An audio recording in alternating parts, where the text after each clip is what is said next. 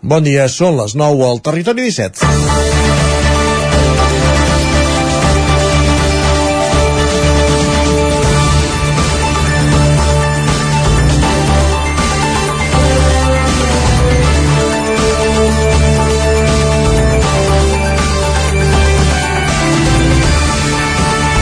Tot i l'esforç que s'ha fet en els últims anys per acabar amb la segregació escolar a Catalunya, encara hi ha molta feina per fer. Que el problema és latent ho podem comprovar fàcilment en algunes escoles d'Osona parlant amb els directors i mestres dels centres educatius o els pares d'alumnes. És imprescindible treballar per l'equitat, perquè està demostrat que la segregació escolar és un element que limita la igualtat d'oportunitats dels estudiants la reducció de ràtios, la gratuïtat de l'escolarització al darrer any de l'escola Bressol o l'increment de l'oferta de places d'escolarització al darrer any de, de places públiques, volem dir, tot i la davallada de la natalitat, han ajudat en el conjunt de Catalunya a reduir la segregació. El darrer informe del Pacte contra la Segregació assenyala que aquest s'ha reduït en un 15% en l'àmbit català, però alerta algun, d'alguns incompliments importants, com és en el finançament dels centres i la gestió de la matrícula viva. I aquest és precisament un dels principals maldecaps dels centres d'alta complexitat. N'hi ha 666 de públics i 64 de concertats en aquesta situació a Catalunya. Quan municipis com Vic, Manlleu o Torelló hi arriba un nen o nena, no hi ha debat, cal que vagi a l'escola. Però després de la pandèmia s'està detectant un boom de sol·licituds de matrícula a mig curs que posa contra les cordes tant els ajuntaments com escoles i instituts amb aules d'acollida sobresaturades i, per desgràcia, menys mans de les necessàries pel que fa a figures com, a, com vetlladors.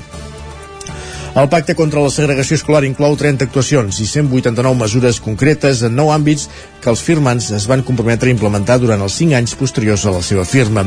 La síndica de Greuges, Esther Jiménez Salinas, adverteix que de la trentena de mesures, de moment, se n'han completat 8, malgrat que el pressupost que s'hi destina ha augmentat més d'un 50% des del 2014, que les plantilles dels centres públics també s'han incrementat, el llistat de feina pendent és llarga. Des de la institució expliquen que els ajuts previstos per l'escolarització d'alumnes amb necessitats educatives encara no s'han transferit i també hi ha retards en el pagament de subvencions adreçades a finançar les mesures d'escolarització equilibrada al sector concertat. Amb aquest tema ens hi juguem massa, com perquè no sigui una prioritat de tots els grups polítics. És dimarts, 24 de gener, en el moment de començar el Territori 17, a la sintonia de Ràdio Cardedeu, Ona Codinenca, la veu de Sant Joan, Ràdio Vic, el 9 FM, i també ens podeu veure, ja ho sabeu, a través del 9 TV, Twitch i YouTube. Territori 17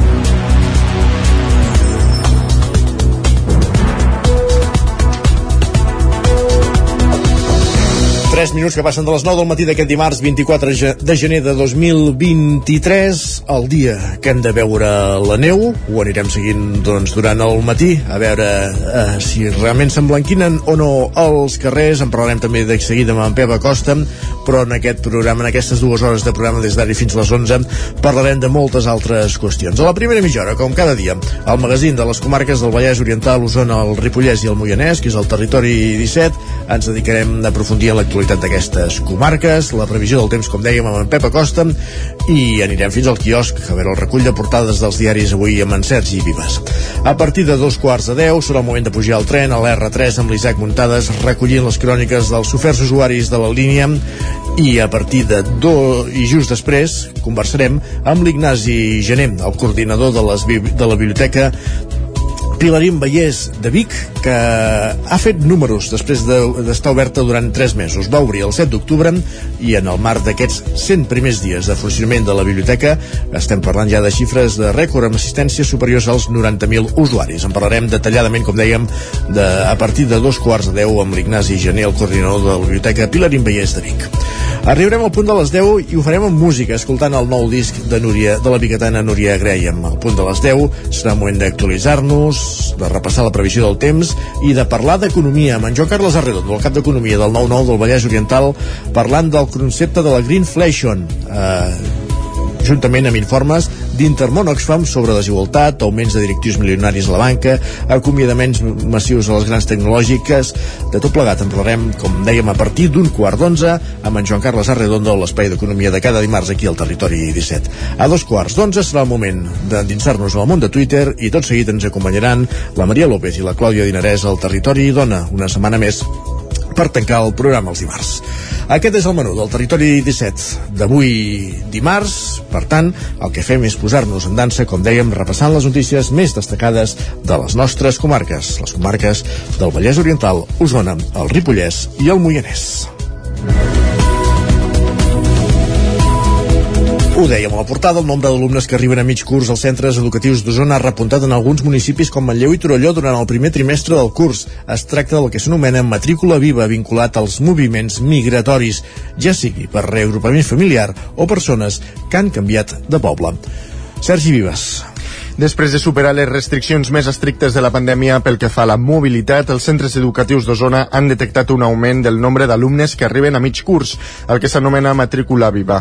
Sobretot ha estat en municipis com Manlleu i Torelló i des dels dos consistoris, com també des de les escoles i instituts, reclamen més recursos per poder atendre els infants que habitualment no dominen l'idioma i tenen necessitats educatives especials. Núria Montanyà i Rafa Cuenca són respectivament regidora i regidor d'Educació dels ajuntaments de Torelló i Manlleu. Els centres realment tenen la queixa i, i, i nosaltres sabem que els docents hi posen de la seva part però moltes vegades falten recursos com poden ser aules d'acollida perquè la majoria d'infants o joves que arriben tenen estats educatives alguns no, ten, no, no coneixen l'idioma els altres eh, tenen estats de, de tipus eh, socioeconòmica i per tant doncs, s'ha doncs, de fer un repartiment equitatiu que és molt difícil perquè un sol nen o nena ja costa assignar-lo i a més a més doncs, quan són germans que has de mirar que vagin a la mateixa escola doncs això encara és una dificultat afegida més. Sí que situem que, que manquen recursos, és a dir, reconeixem que els recursos han augmentat i han augmentat molt, però que les necessitats van més ràpid que els recursos. Per tant, això ens, ens situa amb, amb certes dificultats, sobretot dins, dins de les aules, no? a l'hora d'atendre aquests alumnes que arriben a mig curs i que necessiten doncs, una atenció especial i que a vegades doncs, potser no l'acaben no de tenir. El primer, primer trimestre d'aquest curs, comparat amb el de l'anterior, a Manlleu la matrícula viva ha pujat un 22%, el que representa un total de 129 nous alumnes. A Torelló n'han estat 78, un 62,5% més. Des dels consistoris no tenen clar el perquè de l'augment d'alumnes que provenen d'altres països, per reagrupament familiar o també de l'àrea metropolitana de Barcelona.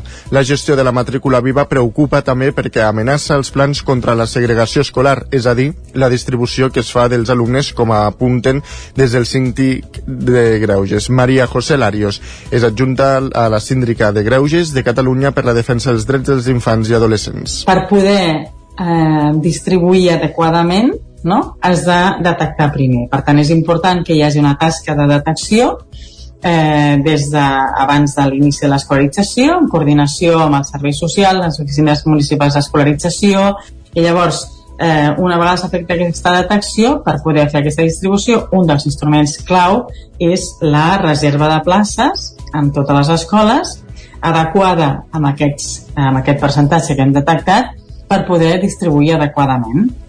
Des dels consistoris plantegen com a possible solució a la manca de recursos per fer front a la matrícula viva saltar les fronteres municipals, un debat que admeten que és complex. Més qüestions. El Consell Comarcal del Ripollès aprova una moció per convertir l'antic hotel balneari de Montagut en un espai de memòria democràtica. Isaac Muntades, la veu de Sant Joan. El ple del Consell Comarcal del Ripollès de dimarts va aprovar per unanimitat una moció d'urgència presentada per Esquerra per tal de revitalitzar l'antic hotel balneari de Montagut, a cavall entre Campelles i Ribes de Freser, i convertir-lo en un espai de memòria democràtica. L'edifici actual té forma d'U oberta cap a la carretera nacional 260, consta d'una planta baixa i tres pisos i és d'arquitectura vuitcentista, amb uns interiors modernistes fruit de les reformes i la construcció de l'ala sud el 1914. El republicà Joaquim Roquer va defensar la moció i va recordar que fa molt de temps que està mig abandonat. Actualment està semi-enderrocat des de 1936, després que la retirada, en que la retirada es fes, es fes explotar el magatzem de municions de l'exèrcit republicà que hi havia dipositat a dins. El baixador d'aigües de Ribes, de la línia R3 de Renfe de Barcelona a Puigcerdà, va ser construït l'any 1909 i es troba en un estat que, si no s'intervé aviat, pot col·lapsar per haver eh, caigut part del sostre. La moció inicial d'Esquerra tenia tres punts, però l'equip de govern, format per Junts, el PSC i més, i els republicans van acordar suprimir el primer acord, que demanava l'inici dels tràmits per catalogar catalogar com a bé cultural d'interès local l'edifici del baixador d'aigües de Ribes per evitar-ne l'enderroc. El segon punt instava el govern de l'estat espanyol i els organismes competents a canviar el traçat de la carretera perquè no passi just per davant de l'edifici, ja que la té enganxada i és un tram d'uns 100 metres força perillós. Mentre no es trobi una solució tècnica, Esquerra demanava posar-hi un semàfor per travessar la carretera amb seguretat. El president de l'EN, Joaquim Colomer, va informar que el juliol del 2021 es va reunir amb representants de carreteres per reclamar el semàfor. L'operació es va repetir enviant una carta al subdelegat del govern a Girona, Albert Bramont, al setembre de l'any passat. L'octubre passat, Colomer també es va reunir amb el propietari de l'hotel, Tomàs de Montagut. Tot i això, no s'ha arribat a bon port. I el dia 27 del 10, dos dies després, el senyor Bramont respon per correu electrònic a la carta que vam enviar el 14 del 9 indicant la negativa a la col·locació del semàfor. També entre aquí doncs, hi ha hagut una reunió per part de l'Ajuntament de Ribes amb la subdelegació del govern i els responsables de carreteres per demanar aquest semàfor i aquesta setmana eh, vinent l'alcaldessa la, de Campelles també té una reunió amb el subdelegat del govern. La proposta també demanava convertir la tercera planta del balneari en un espai de memòria democràtica dins de l'espai de memòria del Memorial Democràtic i que es pugui visitar. Els vehicles de mobilitat personal com els patinets continuen generant, provocant mal de caps als ajuntaments. A Cardedeu, l'Ajuntament ha aprovat una nova ordenança municipal per regular-los. Pol Grau, Ràdio i Televisió, Cardedeu. A Cardedeu, aquest 2023 s'ha actualitzat l'Ordenança General Municipal de Circulació de Vehicles, una ordenança que inclou la normativa dels vehicles de mobilitat personal com els patinets elèctrics. Els BMP no podran circular mai a una velocitat superior dels 25 km per hora i hauran de circular per la calçada i pels carrils bici. La conducció està autoritzada a partir dels 14 anys. L'usuari haurà de portar sempre casc i son d'ús personal. Aquesta normativa fins ara no estava contemplada a l'ordenança i és que l'ordenança de circulació no es modificava des de l'any 2002. En aquests 20 anys s'ha actualitzat puntualment en dues ocasions, però el gran gruix no s'havia tocat. Amb aquesta modificació s'ha actualitzat el contingut i s'ha incorporat la nova normativa amb nous límits de velocitat dels vehicles personals, com els patiners elèctrics que fins ara no apareixia. Ens explica Verònica Vidal, regidora de Mobilitat. El que hi ha ara és que la nova regulació del Reglament General de Circulació fa que els límits de velocitat en zones urbanes han baixat tots llavors la velocitat màxima és de 30 en general per totes les vies llavors si està en una zona de peatonal és de 20 i si és una, una illa de vianants és de 10 això també s'ha incorporat a l'ordenança de circulació i a més a més també modifica aspectes en el sentit de millorar la convivència per millorar també la seguretat dintre d'aquestes zones no? si un patinet elèctric s'està circulant en una zona peatonal s'ha d'adaptar a les circumstàncies d'aquesta via. O sigui, la velocitat màxima serà de 10, però en el, en el moment en què hi hagi afluència de persones s'haurà d'adaptar a la velocitat de les persones. Aquesta nova ordenança comportarà també noves sancions per infraccions com no respectar els límits de velocitat o no dur el casc. Per exemple, portar un acompanyant a un vehicle de mobilitat personal pot comportar una sanció d'entre 60 i fins a 150 euros. Gràcies, qüestió. Gràcies, Pol. En més qüestions anem cap al Moianès perquè el Consell Comarcal d'aquesta comarca ha posat en marxa l'Agència de l'Energia del Moianès. Roger Rams, zona codinenca. Sí, aquesta era una de les assignatures pendents des de la creació de la comarca del Moianès. L'organisme assessorarà els pobles i a la ciutadania en matèria energètica. Arran de la llei comarcal de Catalunya, aquest servei no es pot ser ofert per agències de comarques veïnes i, per tant, calia una nova escala comarcal. Durant els últims mesos, amb el suport de la Diputació de Barcelona, s'han fet els tràmits per fer-la realitat. Sonsoles Letang és consellera de l'àrea de Territori, Urbanisme i Medi Ambient del Moianès en matèria d'eficiència energètica, d'introducció d'energies renovables, d'auditories energètiques, tramitació de subvencions en aquest sentit, eh, etc. De fet, eh, ja tenim experiència en aquest sentit perquè eh, nosaltres abans de tenir l'agència, mentre estàvem eh, treballant en la seva constitució, eh, ja vam posar al servei als municipis una figura que li vam dir gestor energètic a més a més, des de l'àrea de Medi Ambient contemplen accions concretes a dur a terme a mitjà termini amb els quals ja s'està treballant, com per exemple la creació de comunitats energètiques en diferents pobles de la comarca. Pel que respecta a la creació de comunitats energètiques, eh, nosaltres ara mateix eh, tenim eh, en marxa, bueno, en, en licitació, dos projectes de comunitats energètiques, una en comunitat eh, energètica en àmbit residencial a Calders, eh, i un altre en el polígon industrial del vapor de Castellterçol i eh, l'objecte és que siguin replicables L'agència compta amb un gestor energètic que durà a terme les tasques d'assessorament als ajuntaments moianesos en matèria energètica. Gràcies, Roger. Més qüestions. Tot i el fred de diumenge, Manlleu va viure una festa dels tonis amb intensitat. Com és habitual, la jornada va començar amb l'esmorzar dels participants i va continuar amb la missa i la benedicció. Després va ser l'hora del passant dels tres toms i va acabar amb el Ball del Siri. i van participar una trentena de carros, Sergi. 6 graus sota zero a primera hora del matí. És el fred que feia diumenge el dia central dels actes del, dels tonis de Manlleu. Això, però, no va aturar la gran festa. Al Mas Roca, els participants dels tres toms es començaven a preparar per la jornada amb l'esmorzar dels traginers. Josep Molist és el president dels tonis de Manlleu. Fred de moment es presenta fred. Bueno, participació, nosaltres esperem tenir la mateixa gent de, de cada any. Estem molt contents de la participació de la gent, de, de la gent jove que també s'implica molt. Després de la missa solemne i un cop els carros i les cavalleries van estar a punt, començava la benedicció davant l'església i el passant dels tres toms.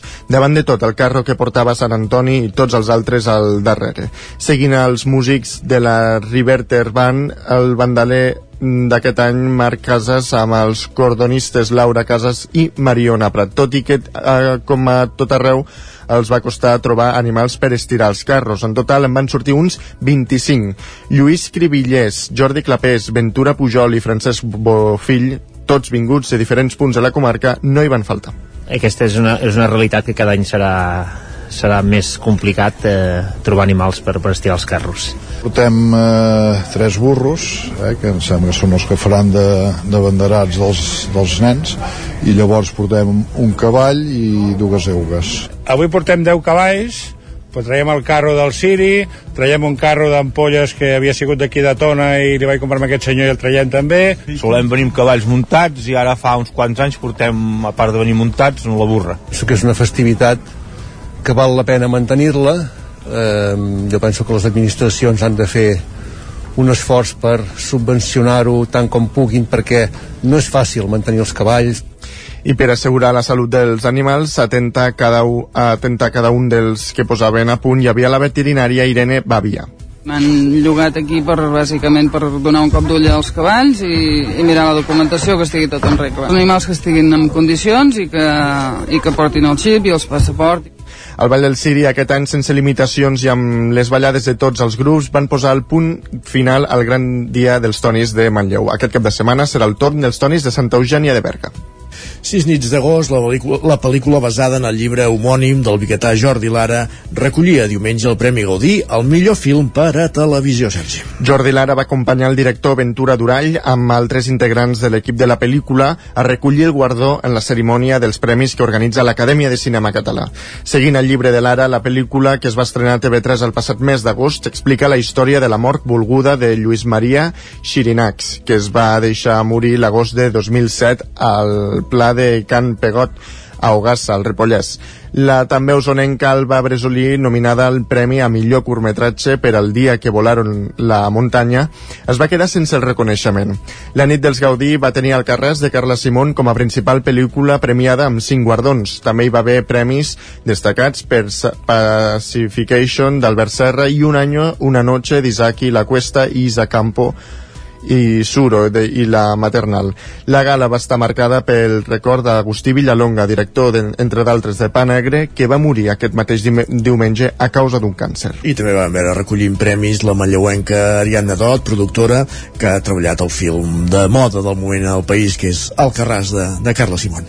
Amb aquest recull dels Premis Gaudí acabem aquest repàs informatiu que començàvem a les 10 del matí aquí al Territori 17. Moment ara d'endinsar-nos a la previsió del temps.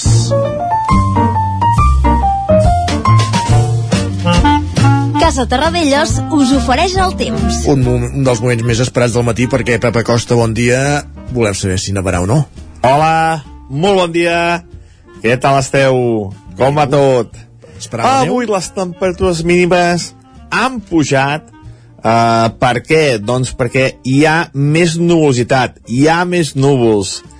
Atenció, perquè aquesta nit ja s'ha vist nevant alguna població uh, molt poc habitual a l'àrea metropolitana de Barcelona hi ha hagut petites nevades, eh, no ha quallat ni molt menys de neu, però bueno, uh, menys s'ha vist nevar a ciutats com Sabadell, Terrassa, uh, també ahir al Penedès, uh, la cosa està una mica més moguda, hi ha més núvols, i és que hi ha una pertorbació uh, al centre d'Europa que està hi ha com un braç de nubositat que està davallant del centre d'Europa cap a casa nostra. I això fa que les temperatures siguin una mica més altes aquest matí. Uh, sempre dic que els núvols és com un matalàs, com un, com un llençol, i això fa que les temperatures no puguin baixar tant. Hi ha hagut glaçades alta muntanya, però moltes temperatures uh, s'han recuperat, eh? No és per aquest, aquest llençol, aquesta manta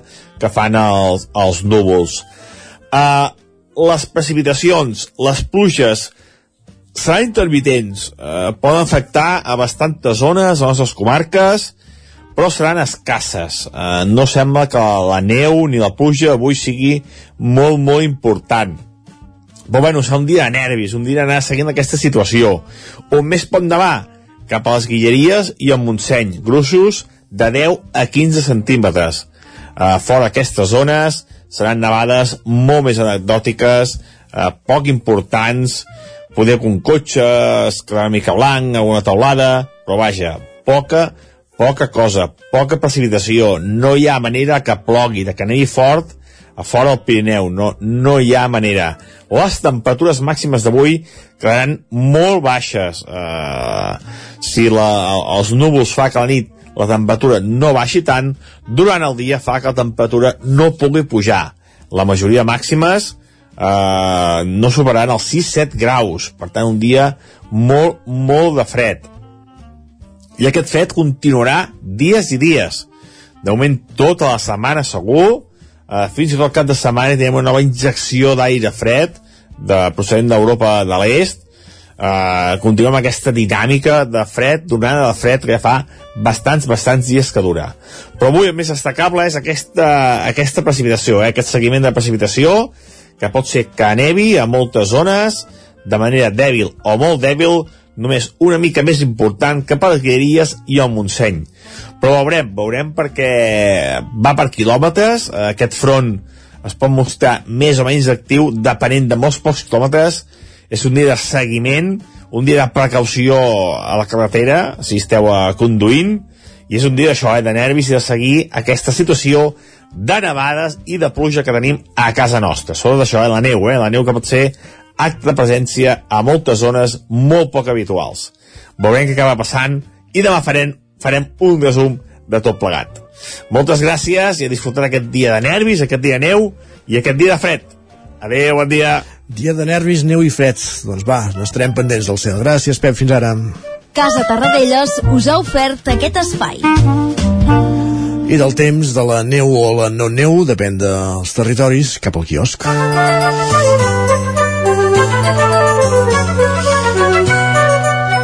Els diaris, Sergi Vives, avui encara els has pogut anar a buscar amb certa normalitat. No has tingut problemes de neu, no has hagut d'anar-hi amb trineu ni amb No, no, no, no, no, no, no. Va, El, en els pròxims dies ja veurem, però... Exacte. Què diuen els diaris, doncs, avui? Doncs mira, comencem pel punt avui que encapça la portada amb el titular L'enèsim intent. Expliquen que el govern prova amb el PSC eh, que voti els pressupostos accedint a la debatre la B40. Ho farà esmenant una moció socialista que es vota dijous al Parlament. Afegeixen que patronals i sindicats exigeixen ja un esforç de consens als grups implicats. I amb una gran fotografia veiem a Carla Simón amb un dels Gaudí que va guanyar diumenge. Diuen que la directora ha tancat el periple d'Alcarràs culminant amb èxit en els Premis Gaudí. També expliquen que Madrid pagarà la factura de la cimera, però cap lloguer al Museu Nacional d'Art de Catalunya. Diuen que l'acte va generar 100.000 euros de despeses al museu. I per què no paguen res? Ara, ara pla que flipo. Ah, doncs... Mm, haurem de llegir el punt avui a dins perquè no... Carai. Uh, continua amb el periòdico. Diu que la pugna PSOE-Podem bloqueja reformes clau. Expliquen que el pols entre els socis impedeix avançar en la millora de les pensions i el salari mínim. També destaquen que algunes professionals del periodisme han denunciat al Parlament el setge que pateixen des de les xarxes socials. També diuen que Collboni diu adeu al govern de Colau per preparar les eleccions. I també destaquen que les policies del Casalbes van fer alçar la rana a la violació d'Igualada. Per altra banda, expliquen que Feijó promet que facilitarà que la llista més votada governi en ajuntaments. La Vanguardia diu que Collboni deixa el govern de Colau per disputar-li l'alcaldia sense lligams. Expliquen que l'alcaldable socialista abandona l'Ajuntament, tot i que els regidors del seu partit continuaran governant amb els comuns a Barcelona. També destaquen que Feijó intenta revifar el debat perquè governi la llista més votada. També expliquen que Microsoft confirma una inversió milionària en el xat GPT i per altra banda expliquen que el ministre del fisc britànic s'oblida de declarar una societat eh, una societat i ara l'oposició demana la seva dimissió. Lara diu que Esquerra sobre estudiar el quart cinturó per salvar els pressupostos. I el diari també destaca doncs, les gelades i la neu a tot uh, Catalunya. Diuen que Protecció Civil ha activat uh, la prealerta del Pla Neucat davant de la possibilitat que la neu arribi a cotes baixes, fins i tot al mar. També expliquen que Collboni abandona el govern de Colau a quatre mesos de les eleccions i també diuen que Scholz, el canceller alemany, es queda sol amb el veto a enviar tancs a Ucraïna. Anem cap a Madrid perquè el país diu que mm, Polònia lidera una coalició per pressionar a Berlín i donar tancs a Ucraïna. També en premsa internacional expliquen que Argentina i Brasil tracten d'avançar cap a una moneda en comú. Argentina i Brasil. Argentina i Brasil. Carai. L'ABC diu que el govern rebaixarà la llei que limita els rodea el Congreso. Expliquen que el 2013 el PSOE va protestar perquè una manifestació il·legal no pogués apropar-se al Parlament i afegeixen que Esquerra, Bildu i Unides Podem pressionen per suavitzar la llei de seguretat i desprotegir a la policia. El Mundo diu que l'exèrcit tindria a punt en, en aquest mes els Leopard, és a dir, els tancs, per Ucraïna. També expliquen que Feijo reformaria el Congrés per evitar errors legislatius. Carai. Proposa despolititzar els nomenaments al front del CNI, el CIS o Radio Televisió Espanyola, entre d'altres. Posar en dubte tantes vegades... Tant, eh, posar en dubte el sistema d'aquesta manera eh, acaba... Bueno, en fi, no vull pas No, no, ja, ja, ja s'atenten. Ja Eh que sí?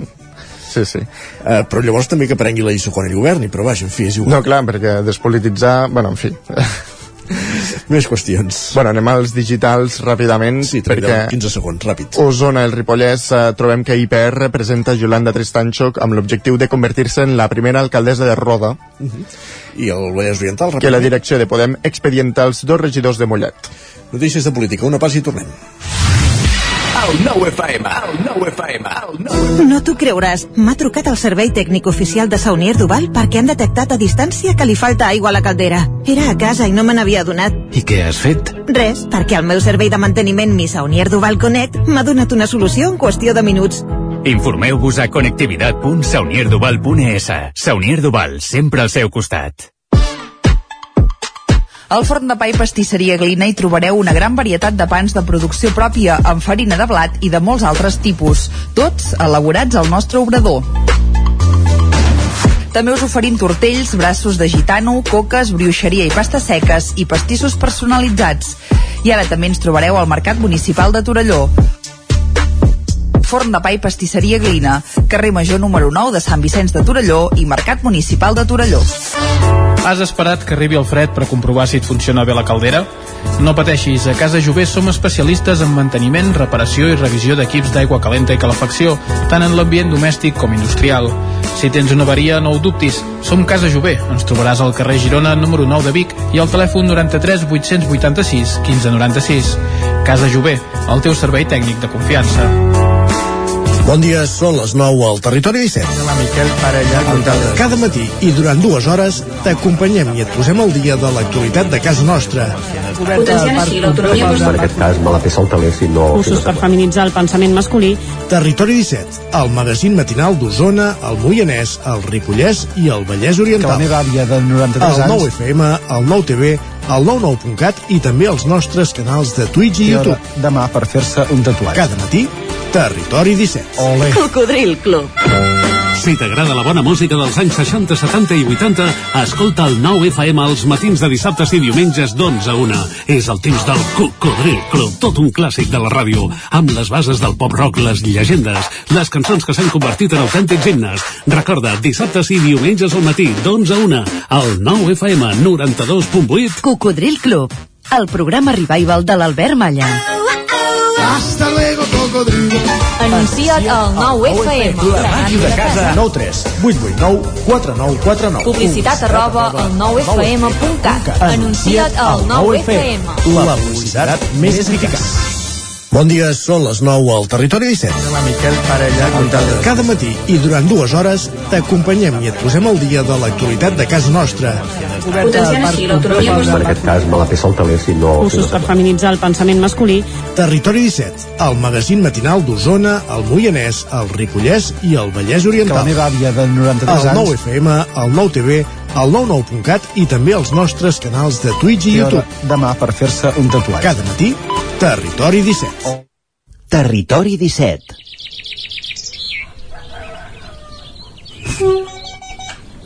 A Tren d'Alba.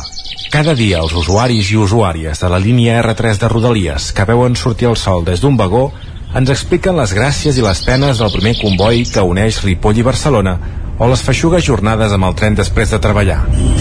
Benvinguts a Tren d'Alba. Sí, avui a primera hora del matí ja nevava el Ripollès. A Camp de Bànol i Ripoll sembla que s'enganxava més que Sant Joan de les Abadeses, però potser és perquè la nevada ha anat minorant. Esperem que nevi en la justa mesura, perquè els trens ja sabeu que quan hi ha condicions meteorològiques adverses, cagarela. Aquest matí ja hi havia dues línies de rodalies afectades per problemes a la infraestructura de DIF, amb retards de fins a 10 minuts a l'R1 i la circulació interrompuda a l'R3 a Manlleu, que ja sembla que s'ha solucionat. Va, escoltem la crònica d'en Jordi Valls d'avui.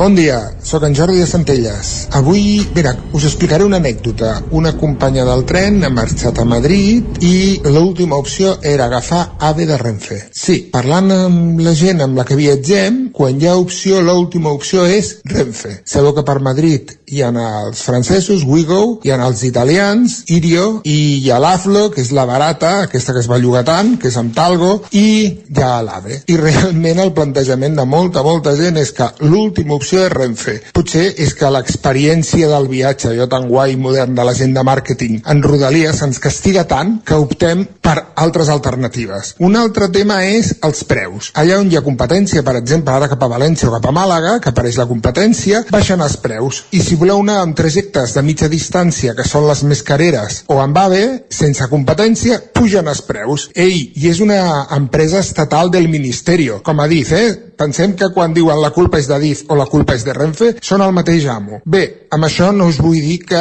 sigui la vostra opció Renfe. Vosaltres sabreu. Els que viatgem cada dia amb aquesta companyia, sembla ser que comencem a tenir-ho clar. Apa, cuideu-vos molt, petonets, adeu-siau. No m'estranya gens ni mica que el fet d'agafar un tren de Renfe sigui l'última opció per la majoria de la gent. Pensa que deuen ser persones que, com tu, hi van cada dia per anar a treballar o l'utilitzen sovint. Per tant, ja estan tan escarmentats que l'últim que volen és fer un viatge de feina més llarg o de plaer amb un mitjà de transport que no és puntual. Tot i que s'ha de dir que l'AVE, almenys en les meves vivències personals, sempre ha complert. A més a més, et posen pel·lícules i és més còmode, que això sempre ajuda. També vaig anar amb l'Ouigo, els francesos que dius, i molt bé. Va, ens retrobem demà amb més històries del tren i de l'R3. El preu, que no hi tingui alguna cosa a veure. Gràcies, Isaac. Territori 17. Envia'ns les teves notes de veu per WhatsApp al 646 079 023. 646 079 023. WhatsApp Territori 17.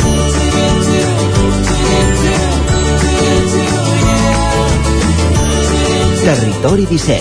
Som a Facebook, Twitter i Instagram amb l'usuari Territori 17.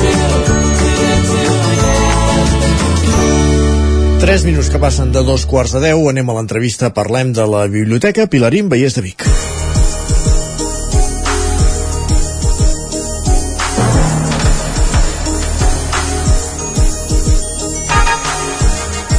mil persones han passat per la Biblioteca Pilarín Vallès de Vic des de la seva obertura el 7 d'octubre. Ara, tres mesos després, coincidint amb aquesta xifra dels 100 primers dies, conversem amb el coordinador d'aquesta biblioteca de Vic, l'Ignasi Gené. Bon dia, benvingut. Bon dia, Isaac.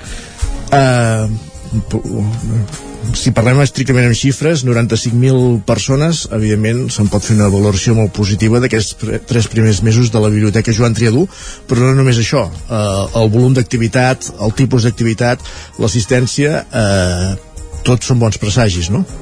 Sí, de fet, mm, vam acabar la roda de premsa dient, jo vaig dir unes paraules una mica amb llenguatge polític allò dels 100 primers dies, no? que és com veure com va el vaixell, com...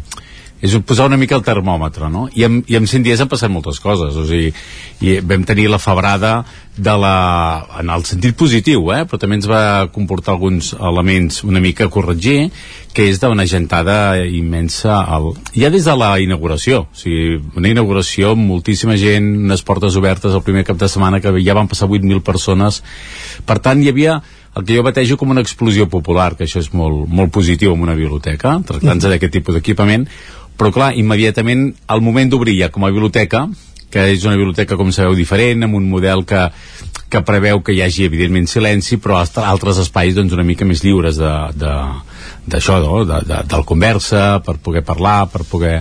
Però clar, això es va disparar una mica, i per tant això havíem de corregir-ho immediatament perquè és, és, estem en un any um, de corregir hàbits, de, de descobrir-nos a nosaltres mateixos com, com estan anant certs espais i, i això.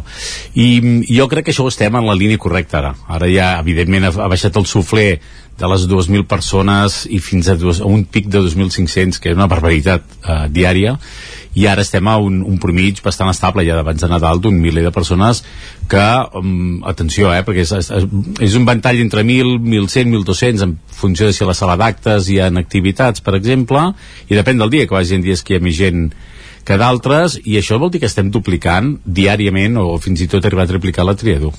I aquest miler de persones, què fan? És a dir, evidentment hi ha molt tipolo, molta tipologia diferent perquè hi ha una sortit d'activitats eh, ampli, eh, però es concentren en determinades hores Qui, quins són els hàbits que, que aneu detectant i una mica com s'ha anat reconduint aquest sufler que deies també, Eh. no, en aquest aspecte De, de fet, um, els hàbits del, de l'usuari de la biblioteca heretem una mica el, el, el que teníem de la triador i el que es comporta bastant amb bastant totes les biblioteques de, almenys de la demarcació de Barcelona. És a dir, al matí és més fluid, però proactiu, eh? A més, no oblidem que tenim una oficina d'atenció ciutadana que també en rep usuaris sobretot al matí, però ja hi ha molta gent que ve a estudiar o a treballar, hi ha gent que et fa teletreball, però evidentment és molt més fluid, eh? Al migdia baixa sempre el ritme, recordeu que no, la triador ja no es tancava del migdia i aquí seguim, evidentment, hem ampliat l'horari però al migdia el mantenim eh, sempre, però baixa el nivell d'usuaris. I on comença a pujar evidentment és el, a partir de les 5 de la tarda que és el és aquest sufler que vam haver de corregir. Eh? Quan jo dic de corre... les mesures correctores que van ser immediates, sempre parlem d'aquesta franja de 5 a 7 de la tarda. Uh, llavors, què hi, què hi venen a fer, per exemple, en aquesta franja d'entrem de 5 a 7 de la tarda és quan els més petits surten de, de les escoles, uh, evidentment venen a fer activitat lectiva típica de, de biblioteca, però tenen moltes altres activitats també per, per, Sí. per, per perdre's en tot aquest equipament, no? Sí, ens estem trobant, ja passava la triador, jo crec que és una mica el que es troben les biblioteques eh, actualment com a lloc d'estudi.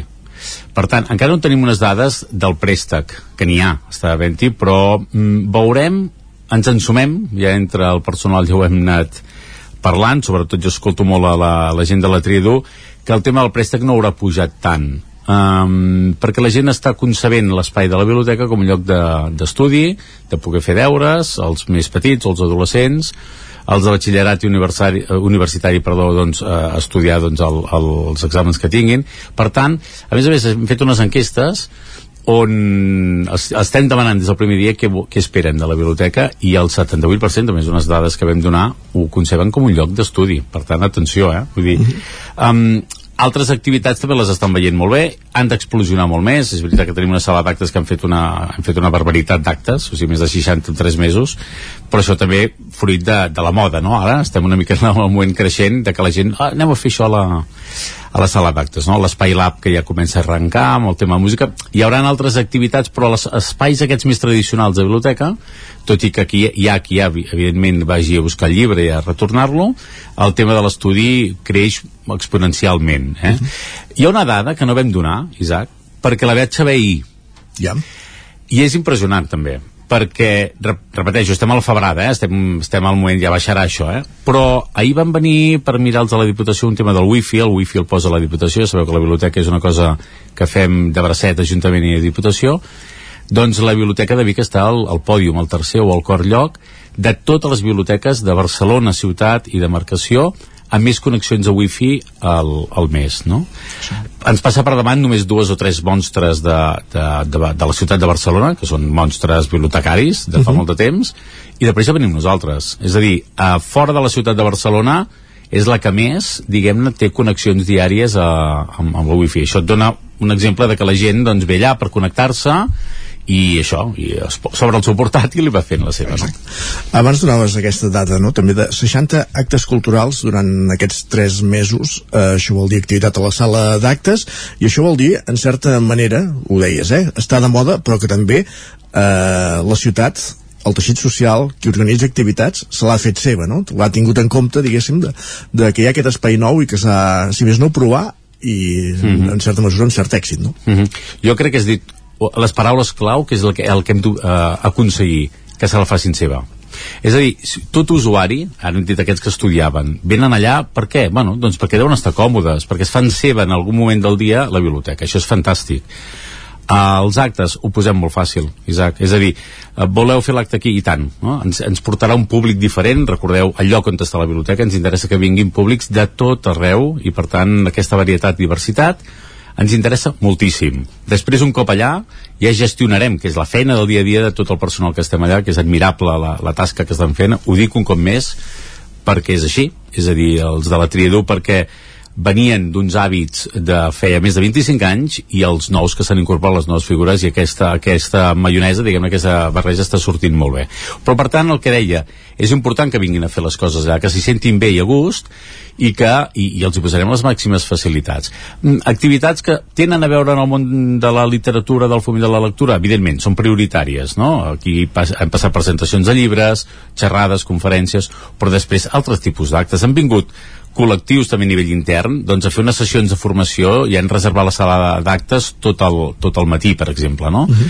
i a l'hora de fer un break no podien, ara ja podran anar a fer un cafè a la cafeteria que és l'últim element de la casa que ha vingut no? ara en parlem de la cafeteria el que és important també és la, la polivalència no? Uh, la versatilitat, el fet que es puguin fer actes de dilluns a diumenge pràcticament Sí, ja podem parlar de diumenge. Ara farem la prova pilot d'obrir el diumenge eh, parèntesi, obro parèntesi, l'única biblioteca, atenció, de la demarcació de Barcelona, val, que obrirà diumenge. Repeteixo, eh? Soc prudent. Prova pilot, febrer i març. Però si fem el febrer i març és perquè, ja ho diem, eh? Així, perquè públicament, perquè això ho, ho, vam, ho vam pensar molt, de que la idea seria de que s'obri els diumenges d'octubre a març. Aquesta és la idea, mig any, eh? Els de mesos, de mesos de més fred, diguem-ne, o de, de, de, de recolliment, no? diguem-ne, d'octubre i, i d'octubre, de tardor i hivern. No? L'equipament sencer o només no. espais concrets? No, hem de comptar amb els recursos que tenim. Clar, no podem comptar amb el personal ni de, de plantilla estructural, ni de diputació, ni d'Ajuntament, i a més a més em sembla molt bé, és, és un dia que és sagrat per descansar i així ens ho diuen els sindicats i així, i així ho respectarem. Hem buscat noves fórmules i per tant provarem aquesta nova fórmula d'obrir com dius tu, no totes les plantes, obriríem la planta baixa on hi ha l'espai infantil, que per tant obert a les famílies que puguin venir 3 hores al matí, de moment 3 hores, de 2 d'11 a 2 de 2, i aquesta segona planta tan silenciosa que s'ha imposat tant el silenci d'estudi on hi ha més taules i cadires per, per poder això venir a estudiar també el diumenge al matí. L'espai Lab, eh, també important, abans ho comentaves, eh, un espai per on hi han passat 23 grups durant aquests 3 mesos, s'han fet 18 enregistraments, L'objectiu és aquest, que funcioni com a estudi de gravació també la, aquest espai? Sí, la prioritat és uh, un estudi de gravació i per tant és, és la, la, la, les primeres demandes uh, seran aquestes, no? Ara, en aquestes 23, aquests 23 usos també trobem, per exemple, um, escoles que han vingut a gravar eh, només algunes veus o algunes coses davant del croma i s'han endut un, bueno, un treball d'escola i tal. És a dir, anem a buscar, evidentment, eh, els grups eh, musicals, professionals, els semiprofessionals, els amateurs, són, és, és diguem-ne, la principal clientela que voldrem d'aquest espai. Aquest espai ha, ha de créixer molt més. Ara, repeteixo, eh, eh, s'ha fet un tastet el dinamitzador musical, com aquell que diu, no ha hagut d'anar a buscar eh, els grups informant del, del lab. Eh, li han vingut, per tant està de moment agendant les peticions que li han vingut no? però ha de créixer molt més ara bé, no ens podem perdre de que estem dins d'una biblioteca i per tant les per això he posat el tema de les escoles hi va haver una residència, eh, no un casal de la gent gran, perdó, i també altres demandes que vindran a títol popular, que han de poder utilitzar la, com ho va fer aquest casal de la gent gran, l'app per gravar una Nadala. Val? Per tant, aquest top popular ha de trobar l'equilibri amb una gravació a bon nivell per, per grups professionals, però sobretot aquests que comencen i que tinguin la primera ocasió de gravar-se una maqueta. Eh? Uh -huh. Tornem una mica al principi de la conversa, quan parlàvem de fer-se la seva, eh, el repte també estratègic pel punt on està ubicada la, la biblioteca eh, a la confluència, per entendre'ns, entre les dues parts de la ciutat, nord i sud, feia això, no? de que, que el repte sigui aquest, el de, el de fomentar un, un intercanvi social eh, que no sé, en aquests 100 primers dies com creus que està funcionant, diguéssim? Doncs hem vist coses ja hem vist coses que els primers dies, per exemple, veiem una un desequilibri, diguem-ho així, eh? amb tot el respecte del món, només faltaríem un desequilibri de colors. Eh? Uh -huh. Bueno, estem observant cada dia, cada hora, cada minut, cada moment del dia. I jo diria que a dia d'avui estem veient un equilibri bonic, diguem-ho així, eh? Vull dir, per tant, a, a, com tot, ha de, hi ha moltíssima gent que encara no ha vingut, que no ha travessat el pont, uh -huh. i després moltíssima gent que estan a l'altre banda del pont i que no han vingut um, encara sóc més pessimista en el sentit de, o realista de que passarà un any i no hauran vingut i no passa res farem tot els possibles per activar-los d'alguna manera, no? Des de l'OAC, des del LAB, des de la sala d'actes, amb algun acte que dic, ostres, això m'interessa, i aquella persona que havia dit jo no vindria mai a la biblioteca, el tindràs allà. Aquest és el repte. El repte social és majúscul. És el primer gran objectiu. La biblioteca està allà per alguna cosa, per cosir moltes coses. I i a fer-ho a través de la cultura i de diferents actes i activitats i, i amb el funcionament ordinari d'una biblioteca ho mirarem d'aconseguir. Ara mateix hem vist ja un canvi del primer dia el, el que fa 100, eh, per dir-ho simbòlicament. Per Sí, tant, per això dic que crec que estem ben orientats, però ens falta un, un- però molt més recorregut. Eh? Mhm. Per tant, el que sí que entenem és que ha vingut gent de les dues bandes del pont, per entendre'ns, eh? Això, això segur. Seguríssim. Això segur. Ara, si em fas dir, ostres, per exemple, tots els usuaris de la tria d'on vingut? No, tots no. no? els esperem. Uh, molts sí. Que aquests són els principals usuaris del, de l'equipament, no? El, en el fons, l'usuari de la biblioteca, eh, encara si te la mouen de lloc, tu hi vas, no? Ho tinguis més a prop o més lluny, no? Uh, per tant, aquest és, el, és com aquell que diu el públic que menys haurem de treballar, perquè aquest ja, ja et ve, perquè ja et venia, no? Hem d'anar a buscar el, el nou públic, el que no utilitzava la biblioteca, que aquest ja l'estem veient també, i que l'utilitza perquè li han parlat bé, perquè veu altres uh, ingredients que potser li interessen més, i, i l'ha tastat tampoc no vull dir que hagi vingut moltes vegades. Tenim l'usuari que et ve cada dia o, o molt sovint, o que el veus molt i, i, i els nous usuaris els vas, els vas descobrint a poc a poc. I ja per últim, abans ho comentaves, durant aquests tres mesos també s'ha posat en marxa el, el servei de bar-restaurant, quins horaris ofereix, com, com eh, s'acopla, per entendre'ns, en tot el que és l'activitat de la biblioteca, quin és el seu funcionament. Uh -huh. El 15 de desembre va començar, més tard, després de que obríssim, per, bueno, per temes de, del concessió, tot això no és, no és senzill.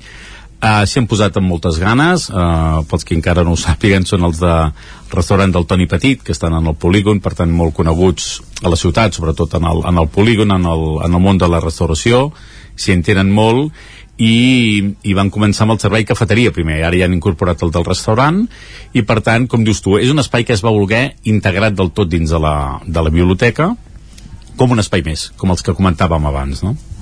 clar, a, a, a l'arribar aquest nou habitant a la casa estem descobrint nous sorolls, nous ambients, eh? i amb això, tot i que volem i sempre defensem que la biblioteca no és 100% silenciosa a tot arreu, et trobes amb curiositats, per exemple, des, de, la- des del, si més o menys ens situem tots els que ens es puguin escoltar, des de la cafeteria, no sents el piano de l'entrada al vestíbul, i des del vestíbul no et molesta el rum-rum de la cafeteria, no? És curiós perquè jo crec que l'usuari quan arriba a la, al bar de la biblioteca té un to una mica més suau, no diré molt, eh?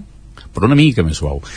En canvi, el so puja cap a la primera planta perquè hi ha un balconet que llavors ja sabem tots que el so puja més sí. que no passa es mou, es mou, es mogui horitzontal. transversal horitzontal com dius sí. per tant això, tot això ho hem d'estar eh, observant i a veure com ho anem reconduint ara la demanda i, la, i la, la, els hi estan bé o sigui està venint molta gent i a descobrir-lo també molts faran el cafè i llegiran el diari i marxaran d'altres entren eh? hi ha de tot Doncs 100 dies ja de la Biblioteca jo, eh, Joan Triadú, no, la Pilarín Vallès. La Joan Triadú és la que va tancar, la Biblioteca Pilarín Vallès de Vic, que obria el 7 d'octubre i hem fet balanç d'aquests tres primers mesos, d'aquests 100 primers dies amb el seu coordinador, amb l'Ignasi Gené que vagi molt bé d'ara endavant aquest servei, que es vagin complint aquests objectius que mica a mica us aneu marcant. Moltíssimes gràcies per ser un dia més amb nosaltres. a vosaltres, gràcies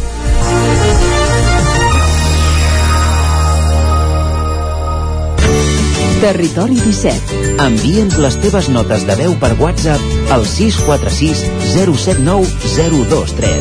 646 079 023. WhatsApp Territori 17.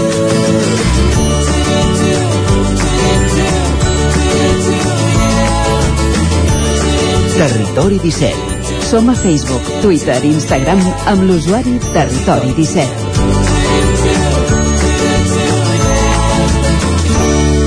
10 minuts i seran les 10 del matí. I'm the catalyst, I'm the real water of your mist. Been thinking about it, is it you that I miss? All the stories of horses and your Sinatra cross our bliss. When a big ass ceremony, a party and a kiss. Wanna say goodbye properly with my stupid Catalan English. Been dreaming of violence, you'd say, geez, you monothemed. But until I haven't got this sorted, this is what I'm gonna feel. Yes, I'm the catalyst. Yes, I'm the catalyst.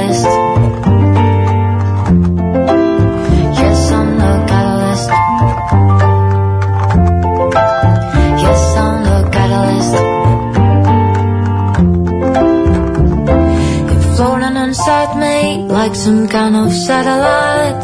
I refuse to be blinded by the shiny beacon on my slide. In the corner of the chamber, you're watching with your deep blue eyes. Please just tell me something that I'm able to believe. Sending message to the others through this annoying western breeze. Catalest és una de les cançons del nou treball discogràfic de la digatana Núria Graham, Ciclement, un treball discogràfic que veia la llum el passat divendres i que avui repassarem al territori 17 fa- des d'ara fins a arribar al punt de les 10 eh, en aquest espai que de tant en tant dediquem a descobrir novetats del món musical del nostre país.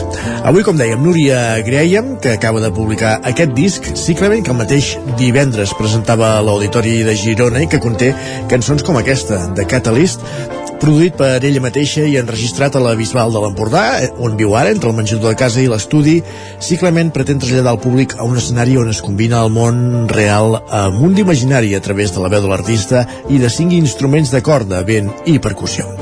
Una de les cancions, com dèiem, de presentació és aquest de Catalyst, però n'hi ha d'altres. Per exemple, en aquest disc de Núria Graham també trobem aquesta cançó Fire Mountain o Sacred Ancient Font. Must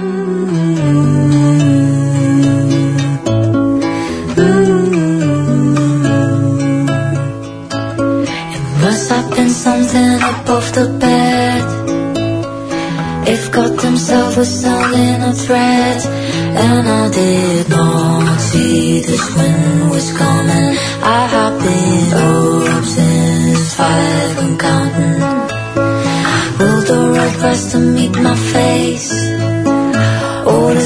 Swallow all these countless days. And I did hear that something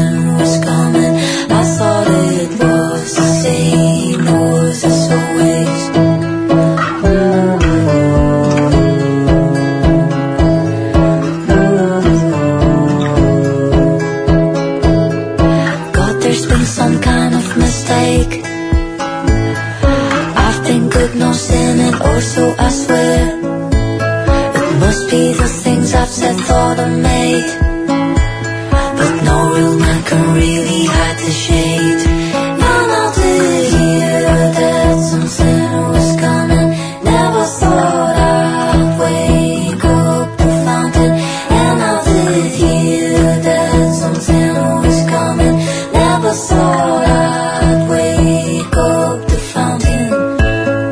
Where the orange river meets the tide makes such a big explosion of white. Look, there's all over it a little particle. Everyone's running from such a spectacle. The story was sending since the start. They all lost not a cherry on a tart. You're in a supermarket with your food on a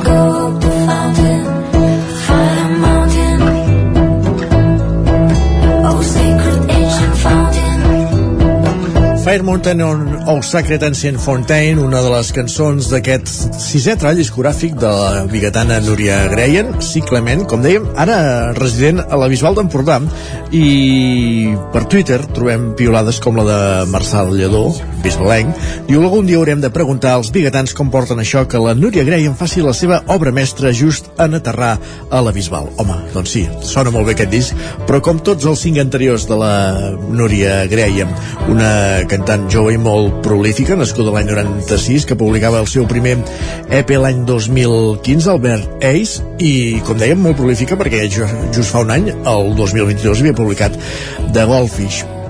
Ara amb aquest treball discogràfic trobem sonoritats com aquestes que estem escoltant o aquesta altra peça que escoltem tot seguit. Poisonous Sunflower. Repassant el nou treball de Núria Grey avui al Territori 17 fins a les 10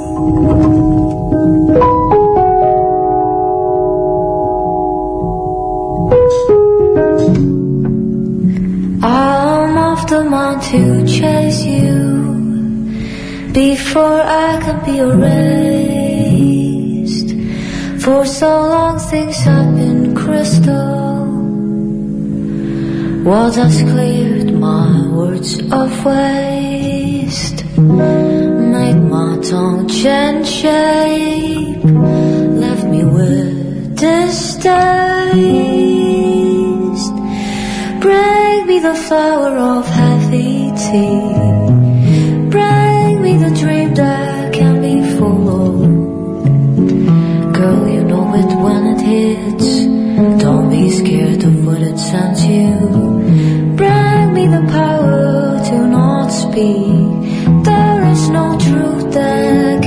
Swallowed. I will press it to my lips. Seeing others on their climb, the skies on the back of their minds. When there's time to take it all in, so much beauty hits a wall. Then you trip on something small,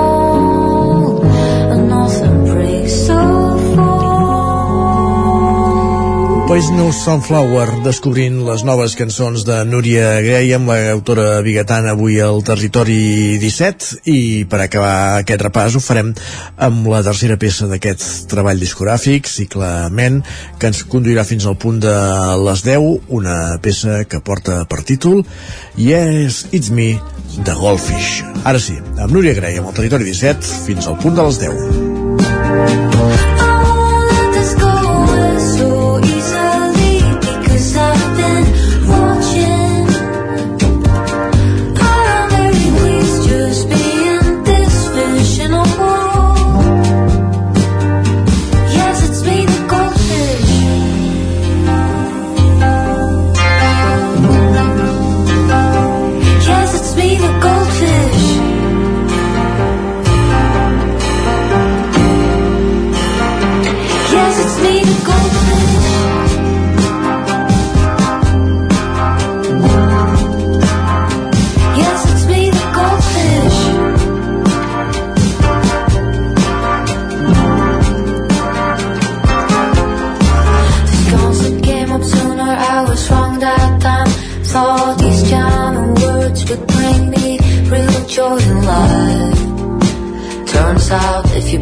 sinks my sleep.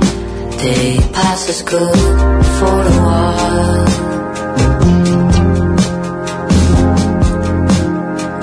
At least I'm more than fine swimming in this fake lake, watery and smiling.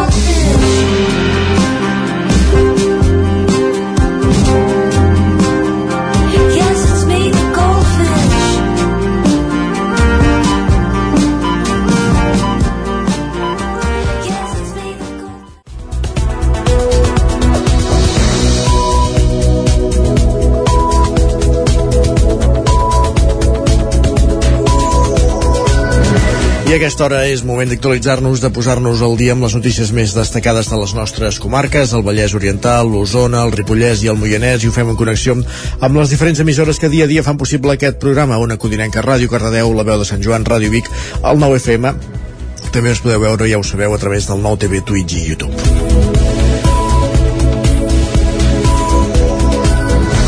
Mossos d'Esquadra fan una crida a les persones que han estat víctimes de robatoris per poder-los retornar el material robat que tenen acumulat a la comissaria de Vic. Sergi. A la comissaria de Vic hi ha diversos articles sostrets i recuperats dels que no han pogut identificar els propietaris. Són bicicletes, eines, canyes de pescar, cascos de moto i ordinadors portàtils, entre d'altres. D'un total de 120 objectes que es van comissar en una furgoneta a Gurb l'octubre passat. El conductor del vehicle va ser detingut quan es va comprovar que els objectes eren robats. Els Mossos demanen als possibles propietaris que vagin a la comissaria per fer la, pro, la comprovació. Cal acreditar la propietat de l'objecte amb algun tipus de comprovant com una factura o una fotografia. Més qüestions encara en la pàgina de successos. Els Mossos d'Esquadra busquen l'autor d'un robatori a punta de navalla en un dels convois de la línia R3 a Osona. Els fets han passat dimarts pels vols de les 6 de la tarda en un tren que anava direcció a Barcelona. El lladre, que portava caputxa, va amenaçar amb una navalla uns passatgers que havien pujat al tren a Torelló i es va emportar una bossa on hi havia un ordinador portàtil. El lladre va baixar a l'estació de Vic. La investigació dels Mossos d'Esquadra se centra en la identificació de l'autor dels fets que, un cop localitzat, seria responsable d'un delicte de robatori amb violència i intimidació. Avui les temperatures són més suaus dins del fred. Eh, totes maneres, sí que hem passat un cap de setmana amb temperatures gèlides des de divendres fins a dilluns, Sergi. Segons les dades de Meteozona, la mínima més freda d'aquest dilluns a la comarca va registrar-se a Sant Martí Sescorts amb un 9 amb 9,6 graus negatius. També destaquen el 9,1 sota 0 de Fores, els 8,8 graus negatius de Rodeter o els 8,5 de Sant Julià. El fred també es va notar en algunes màximes que han quedat molt curtes. Al migdia la temperatura més alta a Osona eren els 6,4 graus de Centelles. En el global del cap de setmana les temperatura, la temperatura més baixa recollida va ser els 11,7 graus negatius del dissabte a Sant Sadurní d'Osormort. Aquests fet, dies s'han produït gelades negres i també hi ha hagut protagonisme pel vent. Dissabte a Bellmunt hi van haver cops de fins a 61 km per hora i a Olost es van registrar ràfegues superiors als 54 km per hora. Protecció Civil manté l'alerta activada per l'onada de fred i també ha activat en prealerta el pla Neucat. Avui es preveu que hi pugui nevar a cotes baixes, a Osona al matí, la cota de neu se situarà entre els 200 i els 400 metres i a la tarda pujaria fins uns 800. Prats de Lluçanès ha celebrat aquest cap de setmana la Festa Major d'hivern en honor a Sant Vicenç. La programació festiva, que va començar divendres amb el pregó de la periodista Anna Gorgs, va tenir el seu punt àlgid aquest diumenge amb la trencadansa a la plaça Vella. Un acte que, malgrat el fred intens, va plegar centenars de persones.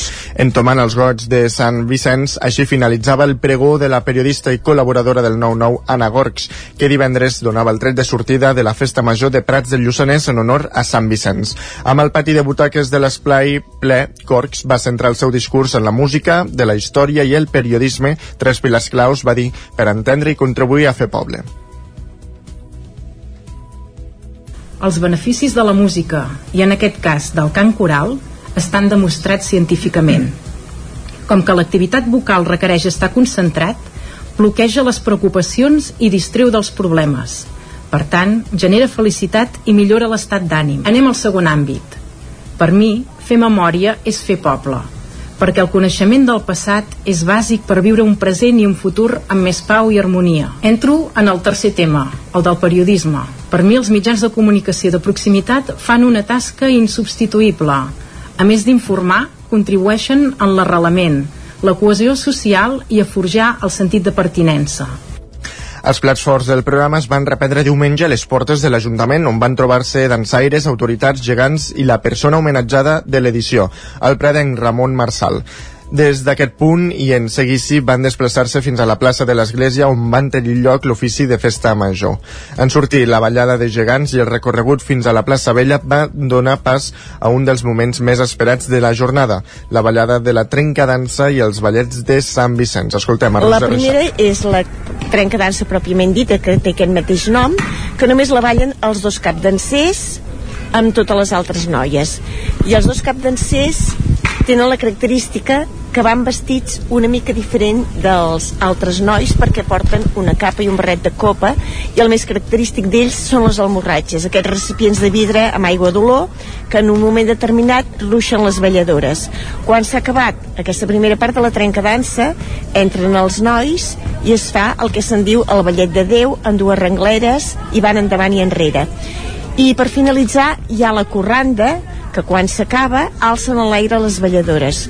El programa de la Festa Major va completar-se amb les habaneres, el concert de Pelat i Pelut al pavelló o l'espectacle teatral La bona gent de Quim Masferrer. Més qüestions, deixem enrere el Lluçanès, anem cap al Vallès Oriental perquè es presenta la nova obra de Francesc Maspont, personatge important de, per Catalunya i el català amb un estret vincle a Vigues i Riells del Fai.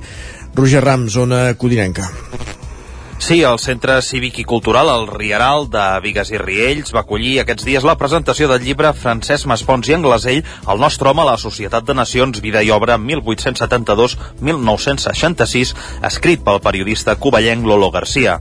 Amb la sala del casal de gent gran de Vigues plena a vessar, l'autor va presentar la seva obra acompanyat de familiars de Maspons, veïns i veïnes de Vigues, així com també regidors locals i vinguts des d'altres punts de la comarca. La presentació va comptar també amb una petita exposició dedicada a la figura de Maspons, on es combinaven fotografies amb relats escrits pel mateix autor sobre les diferents facetes i moments de la vida del personatge, com els orígens de la família, la seva obra com a escriptor i, sobretot, la seva vida política, tant durant la República com en el període de dictadura a l'estat espanyol. Escoltem Lolo Garcia, autor del llibre. Aquest llibre, doncs, eh, bé, aquest llibre l'havíem de... La idea era, doncs, eh, aprofitar no, la, la commemoració del 150 aniversari del naixement de Maspons, que va ser el juliol del, del 22 de l'any passat. Al final ho hem hagut d'allargar una miqueta més perquè vaig ser pare just aquells dies i, per tant, se'ns va endarrir una miqueta la cosa.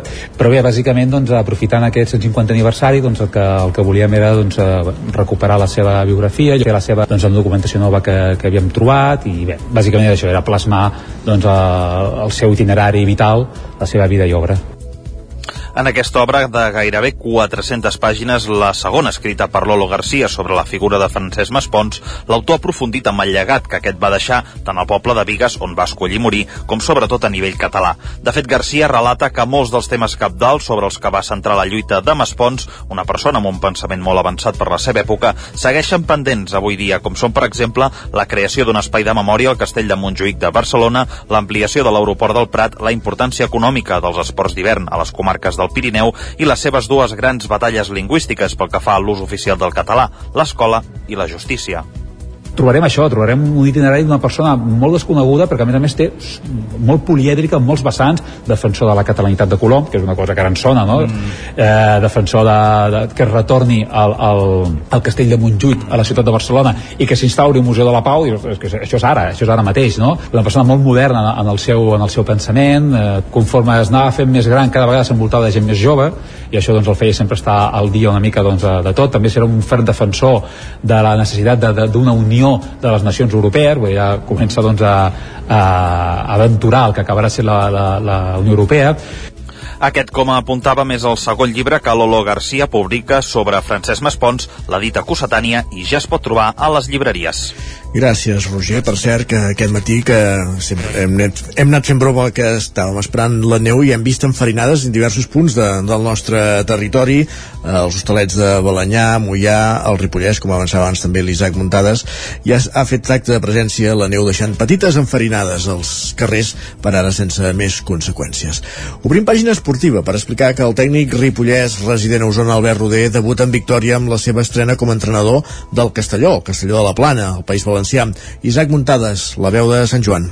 El tècnic ripollès de 35 anys, Albert Roder, va debutar en victòria en la seva estrena com a entrenador del Castelló, un equip valencià que milita al grup 2 de la primera federació, l'antiga segona divisió B. El conjunt orellut va imposar-se per 1 a 3 al camp de l'Ossassuna Promeses i va trencar una dinàmica negativa de 6 partits sense guanyar, amb 4 empats consecutius i dues derrotes. Amb aquesta victòria, el Castelló continua segon a la classificació després de 20 partits disputats, amb 34 punts gràcies a 9 victòries, 7 empats i 4 derrotes. Fins ara, els castellonencs han marcat 27 gols gols, sent el segon equip més golejador de la categoria i n'han encaixat 16, el segon conjunt que n'ha rebut menys. Contra el Sosuna Promeses el partit es va posar de cara molt ràpid gràcies a dos gols en només 13 minuts. Primer va marcar Raúl Sánchez després d'una centrada de Christian i tot seguit Manu Sánchez va rematar un córner servit per Giorgi per donar tranquil·litat als castellonencs. Roder valorava així el partit i també perquè se'ls hi havia complicat el duel. Este grupo se merecía esta victoria. Ha salido desde el minuto uno a buscarla. Han estado un tiempo, yo creo, en una situación que cuando han pisado el campo se ha notado que querían salir de ella y al final se nos ha complicado un poco cuando nos han metido el gol en la primera parte, el tramo final, porque ellos han empezado a empujar mucho, ganarnos el segundo balón, nos han hundido un poquito y ahí hemos empezado a sufrir. En ningún momento nos hemos separado, nos hemos mantenido juntos, hemos podido salir con la ventaja en la media parte, hemos ajustado, creo que el equipo ha encajado muy bien los ajustes. L'Ossassuna Promeses va reduir diferències amb un gol de Ioldi abans del descans, però a la segona part Raúl Sánchez va aconseguir el seu doblet després d'aprofitar una assistència de Coné. Els locals també es van quedar amb un home menys per l'expulsió al final del partit. Roder, que va ser presentat com a entrenador el passat 19 de gener, va apuntar que no havia pogut fer grans canvis, però sí que va intentar transmetre'ls una energia diferent per connectar amb els jugadors i ajudar-los en la part emocional. L'entrenador ripollès creu que la plantilla té molta qualitat i potencial, però que calia augmentar el nivell competitiu, un fet que es va assolir en el darrer partit i que vol mantenir en els pròxims enfrontaments. I un últim apunt esportiu, perquè el jugador d'handbol cardeuenc Magí Serra ha fitxat per l'Alacant d'handbol, també cap al País Valencià,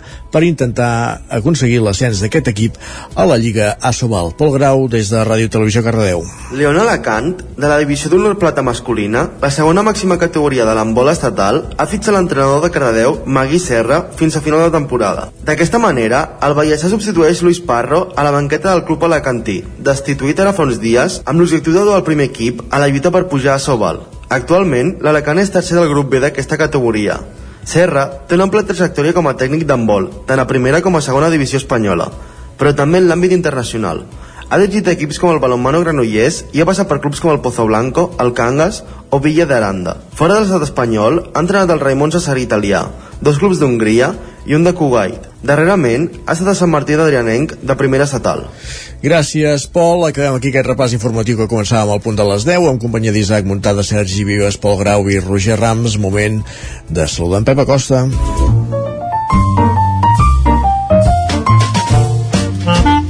Casa Terradellos us ofereix el temps. Com dèiem, ja hi ha hagut les primeres enfari- enfarinades a les nostres comarques, en punts com, per exemple, Hostalets de Balanyà, Ripoll, Sant Joan de les Abadesses, Camprodon, Mollà. Volem saber com evolucionarà aquest matí la neu. Pep, bon dia de nou. Hola, molt bon dia. Les precipitacions, les pluges, seran intermitents. Eh, poden afectar a bastantes zones, a les nostres comarques, però seran escasses. Eh, no sembla que la neu ni la pluja avui sigui molt, molt important. Però bueno, serà un dia de nervis, un dia d'anar seguint aquesta situació. On més pot nevar? Cap a les Guilleries i al Montseny, gruixos de 10 a 15 centímetres. Uh, fora d'aquestes zones seran nevades molt més anecdòtiques, uh, poc importants, poder que un cotxe es una mica blanc, alguna taulada, però vaja, poca, poca cosa, poca precipitació, no hi ha manera que plogui, de que nevi fort a fora del Pirineu, no, no hi ha manera. Les temperatures màximes d'avui quedaran molt baixes. Uh, si la, els núvols fa que la nit la temperatura no baixi tant, durant el dia fa que la temperatura no pugui pujar. La majoria màximes eh, no superaran els 6-7 graus, per tant un dia molt, molt de fred. I aquest fred continuarà dies i dies. De moment tota la setmana segur, eh, fins i tot el cap de setmana tenim una nova injecció d'aire fred de, procedent d'Europa de l'Est, Uh, continuem aquesta dinàmica de fred, d'onada de fred que ja fa bastants, bastants dies que dura. Però avui el més destacable és aquesta, aquesta precipitació, eh? aquest seguiment de precipitació, que pot ser que nevi a moltes zones, de manera dèbil o molt dèbil, només una mica més important que per les Guilleries i el Montseny. Però veurem, veurem perquè va per quilòmetres, eh, aquest front es pot mostrar més o menys actiu depenent de molts pocs quilòmetres, és un dia de seguiment, un dia de precaució a la carretera, si esteu uh, conduint, i és un dia d'això, eh, de nervis i de seguir aquesta situació de nevades i de pluja que tenim a casa nostra. Sobretot això, eh, la neu, eh, la neu que pot ser acte de presència a moltes zones molt poc habituals. Veurem què acaba passant i demà farem, farem un resum de tot plegat. Moltes gràcies i a disfrutar aquest dia de nervis, aquest dia de neu i aquest dia de fred. Adéu, bon dia. Gràcies, Pep. Ho anirem seguint fins demà. Casa Tarradellas us ha ofert aquest espai. Territori 17. El 9 FM, la veu de Sant Joan, Ona Codinenca, Ràdio Cardedeu, Territori 17.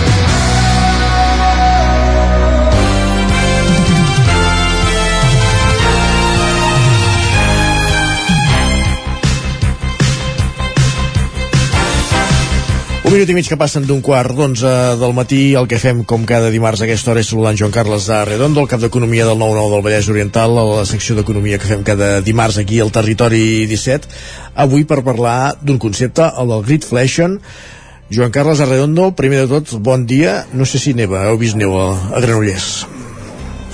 Qu qu quatre volves i si, si han arribat a ser quatre Veus, ja, ja és alguna més que justament quan, quan arribava a Granollers he vist dic home, potser ens nevarà però la cosa ha parat.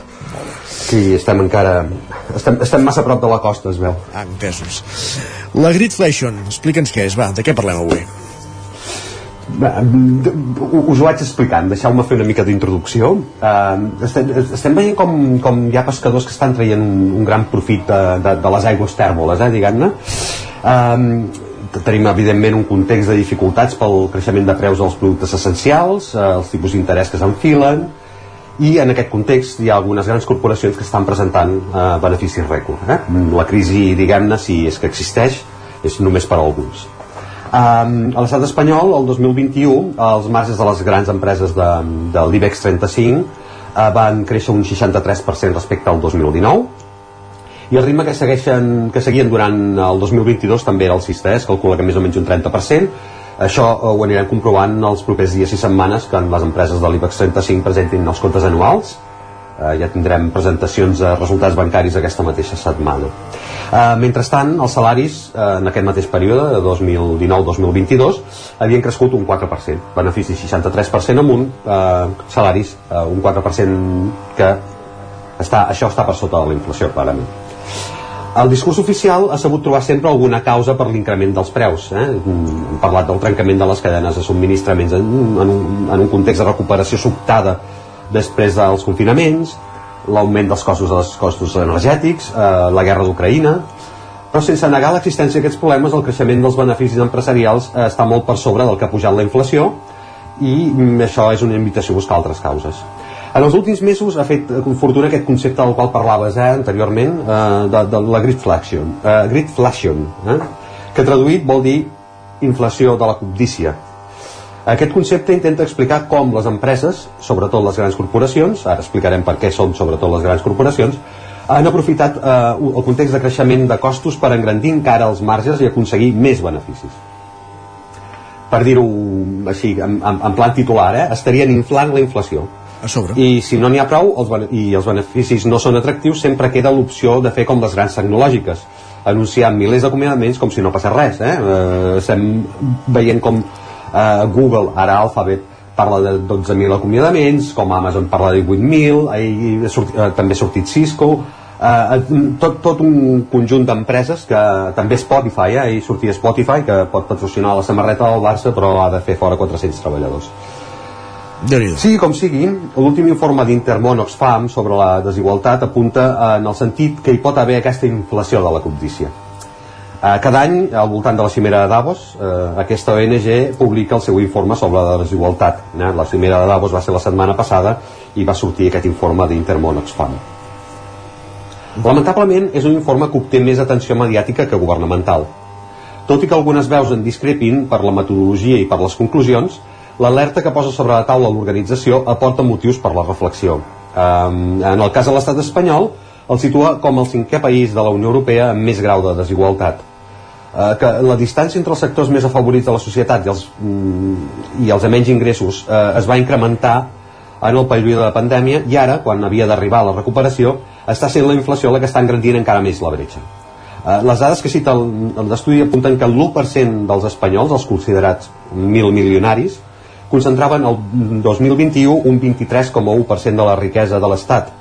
El 2008 era un 15,3, eh? veiem com en període de crisi eh, aquest 1% eh, ha concentrat més riquesa el 50% del, mm, diguem del 50% més pobre eh, ha passat de disposar del 12% dels recursos de l'Estat aquell primer any de la crisi, 12%, a, ara té un 7,4%. Eh? Vull dir, mm, els rics més rics, els pobres més pobres. Uh -huh.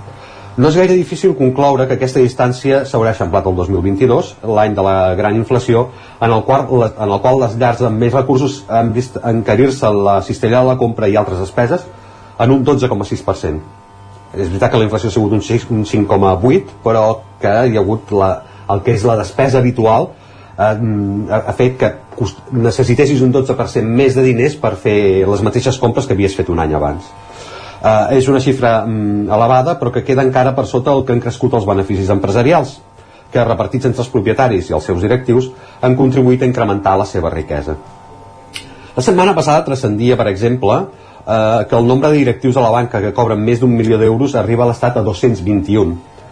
Això eren dades de, del 2021, quan el sector bancari encara estava en procés de dràstiques reduccions de plantilla, eh, eh, que van tenir, per cert, un cost elevat per les administracions, perquè en molts casos aquests, aquests acomiadaments es van fer a través de prejubilacions. Uh -huh. És cert que la cobdícia de les grans empreses té un cost per les administracions, que caldria calcular si queda del tot retornat eh, pel que aquestes grans empreses acaben pagant de més a través de l'impost de societats.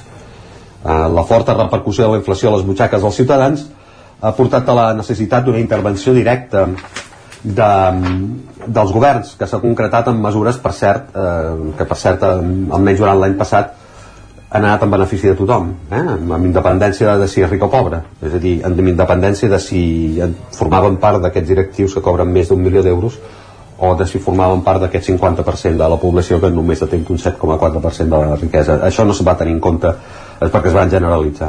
Es van generalitzar, per exemple, descomptes a la gasolina, reduccions sí. d'IVA, eh, els rebuts energètics, gratuïtat d'alguns projectes de transport públic, és, per tant, una gran despesa eh, per l'Estat a la qual eh, s'ha fet front en part amb un fort increment de la recaptació, però també a partir de més endeutament. I un endeutament que, per cert, s'està pagant més car.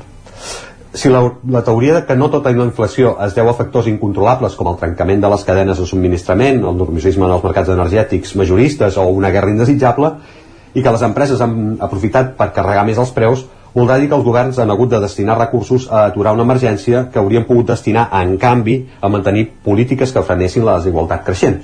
Aquí tindríem un factor pel qual s'està produint aquest desequilibri eh, entre, els més, entre les capes més riques i les més pobres de la societat. Es fa difícil comprendre com encara hi ha veus crítiques a l'impost a les grans fortunes, eh, en aquest sentit. Un impost que, per cert, és temporal. Més enllà de, de constatar els fets, també és important localitzar el context que fa possible que s'estigui, eh, com dèiem abans, inflant la inflació. Durant la crisi del 2008 i de nou durant la crisi de la pandèmia, el procés de, de, de concentració en determinats sectors està propiciant una situació de monopoli en el qual la limitació de la competència està permetent que pocs actors puguin fix, fixar els preus que més els convinguin. Eh, davant d'aquest procés de concentració, els governs de l'Estat han estat passius en alguns casos i actius per afavorir-lo en d'altres, com ha estat el, cap de, com el que ha estat, ha estat el cas de la banca. Eh?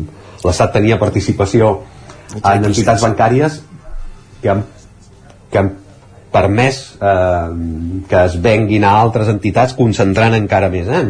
Per exemple, tenim el cas de, de CaixaBank, de CaixaBank i Bankia, no? Correcte. La majoria d'opinadors apuntaran que la intervenció dels estats en l'economia és un tabú. Eh? Eh, això, diguem-ne que per una economia liberal, que hi hagi intervenció de l'estat és una cosa que no es pot arribar a permetre. Però eh, convé remarcar que sense una intervenció que situï unes regles del joc equiparables per tothom, la competència, que també és un element bàsic en una economia liberal, es limita. Això és el que porta que determinats pescadors d'aigües tèrboles siguin cada vegada menys, es quedin més peixos i com que es queden més peixos n'hi ha menys per repartir per tothom. Mm, hem, hem, de, hem de procurar que aquestes aigües no siguin tan tèrboles i l'única manera d'aconseguir que no siguin tan tèrboles o una de les maneres és que l'Estat pugui fixar unes regles del joc que permetin eh, que hi hagi més competència. Està clar que no són els pescadors que surten cada dia al vaixell aquests. I també val a dir que la no intervenció política també és una manera d'intervenir l'economia, de fet, no? De no intervenir-la i de que passin coses com la que acabes de, de descriure, no? D'aquest concepte de la grinflació molta, moltes vegades diguem-ne passa això que no, no, no, no fer una cosa amb, moltíssim, amb, amb moltíssims àmbits de la vida eh, però també en política no fer coses és fer eh, també. I la veritat és que eh, mirar a l'altra banda mm, amb determinades en determinats processos de concentració no ha estat la millor de les polítiques i això és una cosa que s'estava advertint eh? Uh -huh. uh, i aquí tenim com la banca aquest, aquesta setmana es coneixeran resultats de, ban de la banca i veurem com són beneficis de rècord i beneficis rècord quan tothom ens està dient que hi ha crisi doncs és, és, és, com a mínim és una mica xocant la bombolla de la inflació. No sé si seria aquesta la idea i, i que hauríem d'anar punxant d'alguna manera.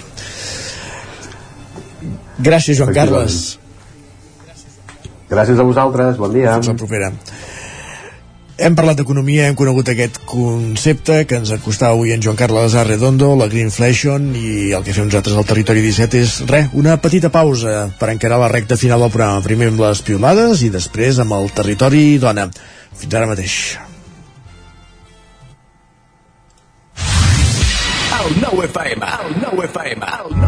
Has esperat que arribi el fred per comprovar si et funciona bé la caldera? No pateixis, a Casa Jové som especialistes en manteniment, reparació i revisió d'equips d'aigua calenta i calefacció, tant en l'ambient domèstic com industrial. Si tens una avaria, no ho dubtis. Som Casa Jové. Ens trobaràs al carrer Girona, número 9 de Vic, i al telèfon 93 886 1596. Casa Jové, el teu servei tècnic de confiança. Bon dia. Us truco del servei tècnic oficial de Bailand. Hem detectat que la pressió de la seva caldera està baixant. No me n'havia adonat. Com es pot solucionar? Ho resoldrem en uns minuts. No espereu més. Amb el servei de manteniment ServiPlus Connect de Bailand, preocupeu-vos del que realment importa. Nosaltres ens encarreguem de la vostra caldera. Informeu-vos a connectivitat.bailand.es. Al forn de pa i pastisseria Glina hi trobareu una gran varietat de pans de producció pròpia amb farina de blat i de molts altres tipus, tots elaborats al nostre obrador. També us oferim tortells, braços de gitano, coques, brioixeria i pastes seques i pastissos personalitzats. I ara també ens trobareu al Mercat Municipal de Torelló forn de pa i pastisseria Glina, carrer Major número 9 de Sant Vicenç de Torelló i Mercat Municipal de Torelló. Bon dia, són les 9 al Territori 17. La Miquel Parella. Cada, cada matí i durant dues hores t'acompanyem i et posem al dia de l'actualitat de casa nostra. Potenciant així l'autonomia En aquest cas me la peça el taler si no... Cursos per feminitzar el pensament masculí. Territori 17, el magazín matinal d'Osona, el Moianès, el Ripollès i el Vallès Oriental. Que la meva àvia de 93 el anys... 9 FM, el 9 TV, al 99.cat i també als nostres canals de Twitch i, I YouTube. demà per fer-se un tatuatge. Cada matí, Territori 17. Ole. Cocodril Club. Si t'agrada la bona música dels anys 60, 70 i 80, escolta el 9 FM als matins de dissabtes i diumenges d'11 a 1. És el temps del Cocodril Club, tot un clàssic de la ràdio, amb les bases del pop-rock, les llegendes, les cançons que s'han convertit en autèntics himnes. Recorda, dissabtes i diumenges al matí, d'11 a 1, al 9 FM 92.8. Cocodril Club, el programa revival de l'Albert Malla. Hasta luego, Bon dia, són les 9 al Territori 17. La Miquel Parella. Cada, cada matí i durant dues hores t'acompanyem i et posem al dia de l'actualitat de casa nostra. Potenciant així l'autonomia En aquest cas me la peça el taler si no... Cursos per feminitzar el pensament masculí. Territori 17, el magazín matinal d'Osona, el Moianès, el Ripollès i el Vallès Que Oriental. la meva àvia de 93 El anys... 9 FM, el 9 TV, el 99.cat i també els nostres canals de Twitch i I YouTube. demà per fer-se un tatuatge. Cada matí, Territori 17. Ole. Anuncia't al 9FM. La màquina de casa. 9 3 8 8 9 4 9 4 9 Publicitat arroba al 9FM.cat. Anuncia't al 9FM. La publicitat més eficaç. En punt, dos quarts d'onze.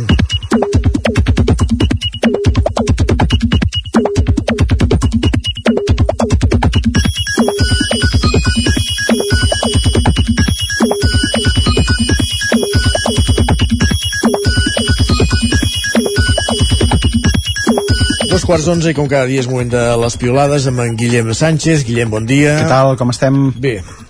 El que la gent no et veu avui, eh? Et veuen d'esquena perquè no, no, no hem punxat la teva càmera. Oh, Som així de pèssims. Oh, oh, quina pena, quina pena.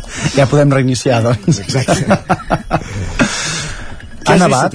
Ha nevat? Algun lloc? A prop de casa teu, Isaac, o no? Uh, no ho sé. Quan Com ha posat no a nevar jo, en tot cas, jo era aquí. Diria que no, ha nevat més cap al sud. Va, doncs no sé si la gent tenia ganes de treure el cap per la finestra aquest matí, jo em sembla que una miqueta, i esperar aquella imatge de tres pams de neu, de poder fer el ninot de neu, i em sembla que alguns s'han quedat una mica amb un pam de nas. De fet, la Marta ens escrivia ahir a última hora, no em fa especial il·lusió que nevi, però reconec que una part de mi vol viure el somni americà de llevar-se pel matí i veure les notícies que l'institut no obrirà per la neu i així poder seguir dormint i passar el dia en pijama. Oh, quin no? Els que no tenim feina a l'institut i tenim feina a altres llocs, eh, aquest argument no ens val perquè... és aplicable a d'altres bandes, eh? per Hem això canvia, canvies institut per uh, fàbrica o per uh, el, el nou TV o el nou FM i és el mateix, és el, és el mateix. La nana també ens explicava i diu vaig a dormir, no em desperteu fins que no hi hagi dos pams de neu. Doncs potser l'hem de Doncs trucar al 2027, diria. Algú amb una mica més d'ironia ens comentava aquest mateix matí, no sé vosaltres, però jo agafo el trineu. A mi no m'ha fet falta per arribar a la feina. No? Jo m'he trobat gent per això que hi anava calçada amb les típiques botes de, de neu, tres capes de pelf a sobre, per dir, però si és un dia normal com qualsevol altre. Per vigilar, per no patinar. I tal, i tant. I en Gerard ens afegia, diu, Tomàs Molina, ens has enganyat, amb això no s'hi juga. De fet, s'ha de dir que aquí som una mica dolents nosaltres perquè segur que en algun lloc està nevant i hi ha 25 centímetres de, No, de neu 25 nova. no. Ah, Ja. Jo he de dir que Tona, que hi ha alguna cosa, eh? A la primera hora del matí he anat a l'escola d'hostaleria a cobrir un, un tema i Home, algú o, feia, o algú. si algú viu a Buitaüll o a Vallter o a Núria, potser llavors allà, sí, no? Això ja és una altra història. Allà una mateixa sí. Va, tot això, que caigui neu té conseqüències també en altres àmbits. Avui Gerard ens escrivia, estic mirant i el preu de la llenya, la que siga, no para de pujar. Doncs mira, que l'afecció d'un altre tipus i, i ja està, no? Bé. Tu tens llenya a casa, te fa la llenya, no, Isaac? no, no, però clar, tampoc ho pots triar d'un dia per l'altre, el combustible de la calefacció, però vaja. No es pot improvisar. No. Si no, a casa dels amics i de la família s'hi està molt bé, tu, I tant. i Ah, sí, apaguem la, exacte. la calefacció de, de casa. doncs vinga, va, tothom que pugui gaudir de la neu tant com pugui o tant com vulgui, però canviem de tema. No sé si us ha passat mai això que ens explica l'Eloi. A veure, va, atents. Diu, quan li he dit al metge que sóc professor de català, m'ha anat intentant enxampar amb preguntes sobre paraules durant la consulta. Em diu, saps quin nom té el dit petit en català? Quin, quin? Saps, no sé, no sé, no, hi- no hi ha respostes, són, són tot preguntes a l'aire. Ens diu, saps com diuen patata al Pallars? Saps quin altre nom pot rebre l'espatlla? Això jo, jo no ho tenia controlat, eh? Exàmens mentre estàs No sé, a la... no sé cap. No? Tu, Isaac, saps alguna d'aquestes... No, no. La de l'espatlla, la de l'espatlla. Sí? No, La, la patata al Pallars he estat pensant, tu, però no, no em surt tampoc. No, si fos el Ripollès seria trumfa, però clar, entre Ripollès i Pallars hi ha una mica de, de diferència. Va també en l'àmbit mèdic, l'Anna ens afegeix, diu, la paciència que han de tenir les infermeres amb alguns pacients impertinents. Diu, a mi m'han declarat amor incondicional només per dir tranquil·la, puc esperar i quedar-me la resta de temps quieta i callada com una aloe vera. Veus? Hi ha gent que, que es fa estimar, que es fa estimar. Exacte. Va, i no sé com definiríeu vosaltres la vida a pagès. Ja. Perquè n'he trobat una definició molt maca per Twitter que vull compartir amb vosaltres. En Sergi ens diu a pagès et passes el 30% del temps xafant coses, el 70% arreglant-les i un 100% cagant-te amb la mare que ho havia parit tot plegat. Aquest tuit, si no tinc mal entès, té una menció, l'estic buscant, perquè el, va acompanyat d'en Sergi en qüestió penjat d'una escala... Em sembla que sí. va. crec, crec que tens raó, Isaac. Crec És un vídeo, de fet, que està aquí apuntalant Sí, una fent- viga amb un sergent i està penjat d'una escala apuntalada no sé on i... li Fent alguna tasca domèstica que li deu ocupar el 56,3% de, del temps de, del dia, I, segurament. i, com deia el cita Lima Puigcorbé diu i jo anar posant ciris perquè no es trenqui la crisma abans d'hora, un fart I tant. perquè l'home, en Sergi en qüestió, està enfilat dalt de l'escala vaja, Va, i dues qüestions molt ràpides. Eh, Recordes, Isaac, que parlàvem del preu de les carxofes, oi? Sí. Que havíem de dir que la setmana que ve pujaven que, un vaig dir- euro. que et vaig dir que les compressis aquesta setmana per vendre-les la que ve Doncs va, vull referència a un altre tipus de menjar, una fruita. En Guillem ens escriu quan semblava que la setmana anava bé, diu pam, mandarina àcida. ah, doncs mira, jo n'he de- obert, aquesta setmana m'ha agradat Ai, doncs mira, costa haurem, molt en, enxampar-lo. haurem d'anar a menjar a casa, a casa de l'Isaac i per acabar molt d'acord amb en Joel, que també ens parla de menjar, ens diu aquest fred és l'excusa perfecta per sopar cada dia sopa amb coses, verdures, carn, tubercles, cigrons cigrons, formatge ratllat, diu el ramen nostrat. No sé de què, ens, de què tocarà avui la, la, La sopa, sopa. Isaac. Jo crec que avui em toca amb cigrons i al vespre amb verdures. Ho tens clar, ja? Assumit? I si no, treballarem per això. Molt bé, doncs Que gràcies. Guillem. Sentim ja la Clàudia Dinarès, per tant, vol dir que avui és qui ens acompanya al territori d'Ona i cap allà que anem.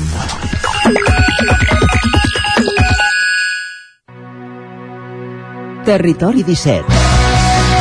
El 9 FM, la veu de Sant Joan, Ona Codinenca, Ràdio Cardedeu, Territori 17.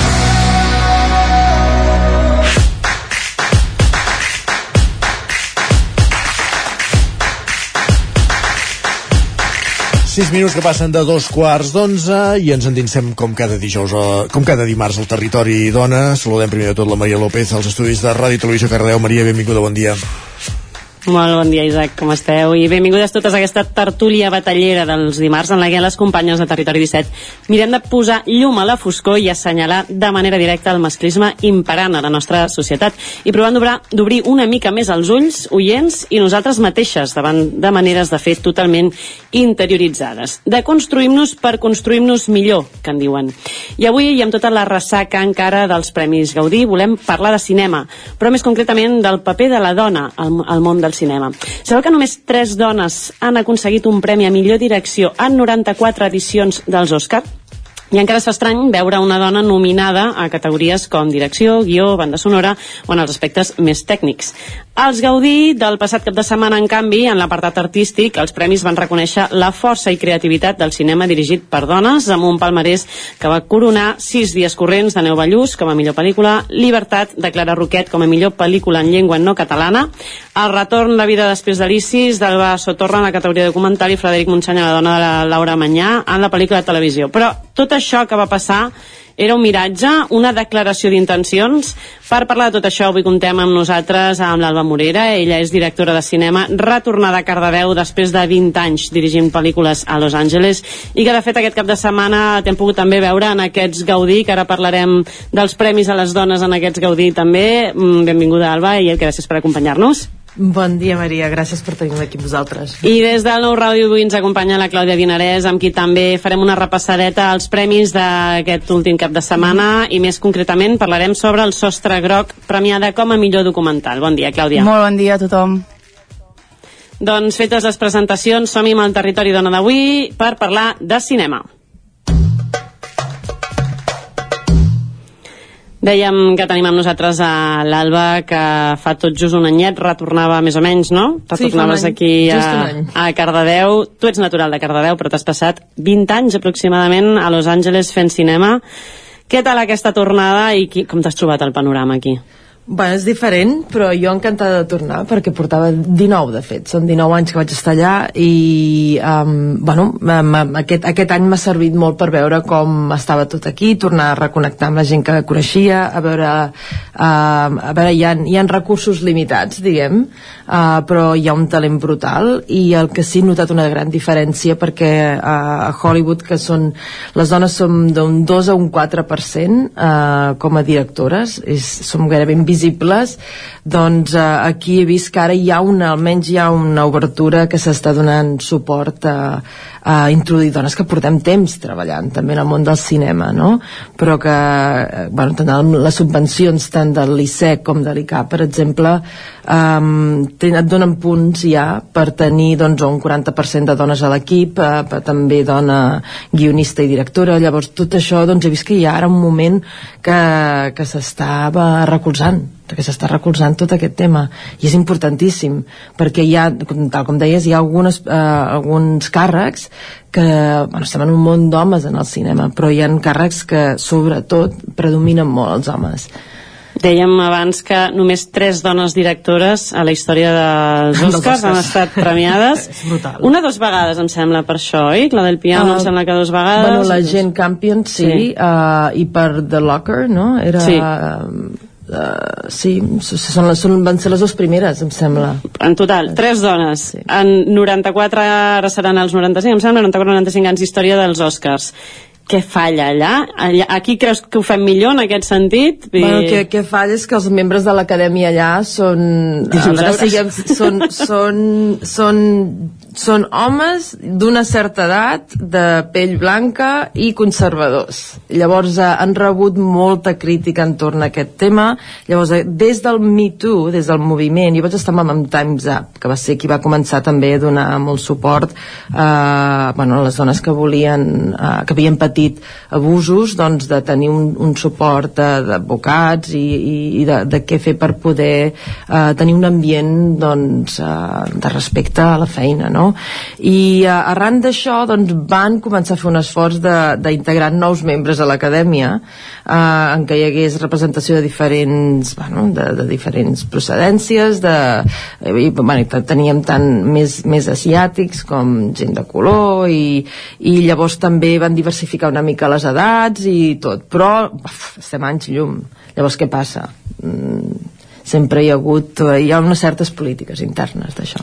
Aquí a Catalunya creus que almenys en aquest sentit a nivell de reconeixements eh, estem una mica millor o s'està fent un rentat de cara per dir-ho d'alguna manera així? Home, mira, ara que comentaves a veure, jo, jo, jo he vist que ara aquest moment, i potser és que vaig arribar jo l'any passat doncs que sí que hi ha un cert moviment eh, eh, jo el que he dit, no obrir portes eh, amb aquest tema, inclús la Neus Ballús amb qui vaig anar a la Pompeu vam fer comunicació visual juntes i llavors és interessant perquè he tingut la trajectòria allà i he tingut la trajectòria aquí i es va posar molt amb tot el tema de dones visuals vaig estar parlant amb la Míriam Porter també que s'hi va iniciar que era la productora de sis dies corrents um, i llavors doncs el, el que va dir precisament en els Gaudí de l'any passat la Neus és que les dones estem aquí no només per donar-nos l'oportunitat de fer l'òpera prima, sinó per quedar-nos, i som dones que portem treballant en el món del cinema eh, durant molt temps.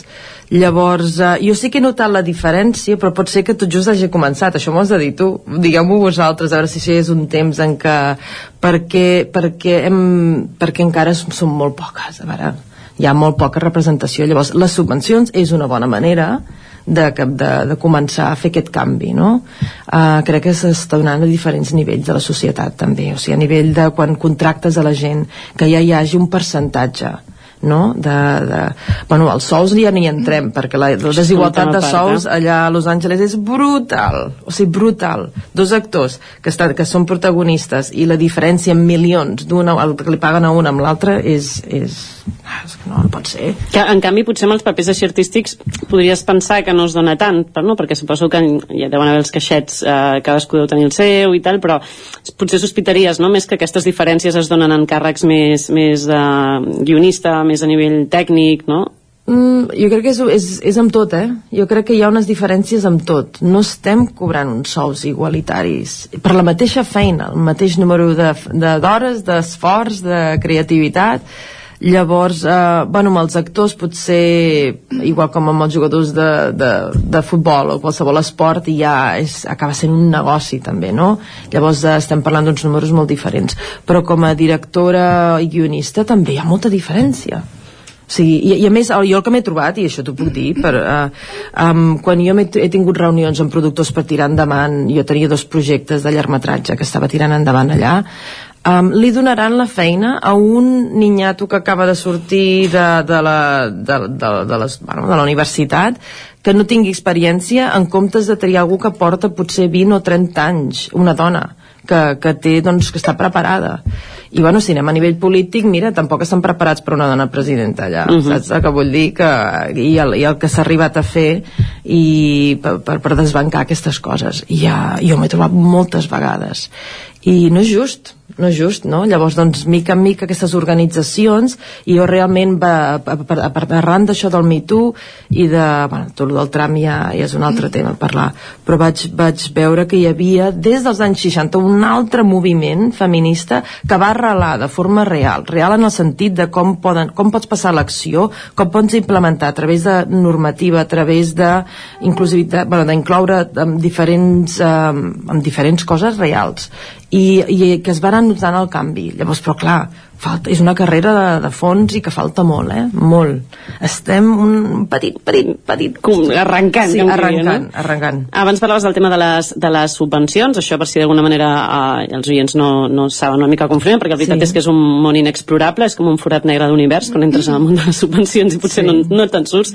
Uh, però sí que dins del món del cinema, ja fa potser uns anys, ja no sé dir-te quants, però que es, es valora positivament el fet de que eh, els certs càrrecs d'autoria com la direcció o el Sí. guió i tal els facin les dones, això crec que dona o almenys Donen en algunes punts. donen com punts extra creus que això s'està traduint d'alguna manera en produccions o més fetes per dones o és com un Bueno, miratge, sí, perquè jo crec que tot va lligat, no? Perquè si tu ja inclous un 40% de dones en els càrrecs, en, en els càrrecs no habituals, no? Perquè directores de fotografia, que n'hi ha la tira aquí a Barcelona, jo, jo he arribat i, i, i no en veus tantes, no? Llavors, doncs, um, per exemple, o directores també, um, crec que, que quan tu ja tens un determinat número de, de dones eh, contractades doncs eh, sí, sí, no es noten els rodatges, clar que sí. I les subvencions, jo estava parlant de les subvencions de producció i també les de desenvolupament. O sigui, estan prioritzant, i no només a nivell de, de gènere, d'igualtat. També per altres temes, per exemple, gent amb unes certes eh, discapacitats també estan integrant de que tingui una oportunitat, discapacitats funcionals que puguin, i això, i això em sembla molt bé. I jo me recordo l'any passat com que va ser el gener de l'any passat que vaig arribar. Uh, primer vaig agafar el telèfon i em vaig començar a trobar amb tota, tant a l'Edmond Rock com a productor, com a l'Oriol Paulo com a director, per una miqueta recollir les opinions en aquest nivell. I l'Oriol Paulo m'ho va dir que a més és l'Oriol Paulo que porta que és qui ha fet los Renglones Torcidos de, de Dios doncs uh, um, porta ja una trajectòria de molts anys. Ell també es va formar a Los Angeles com jo. I el primer que em va dir, diu no, dius que les subvencions te la donaran a tu aquest any Alba. Diu no, no algú d'aquí ni a Fernando no, bueno, jo què sé, a, a, qualsevol dels, dels cineastes establerts d'aquí sinó que estan prioritzant a les dones o sigui, eh, estan apostant.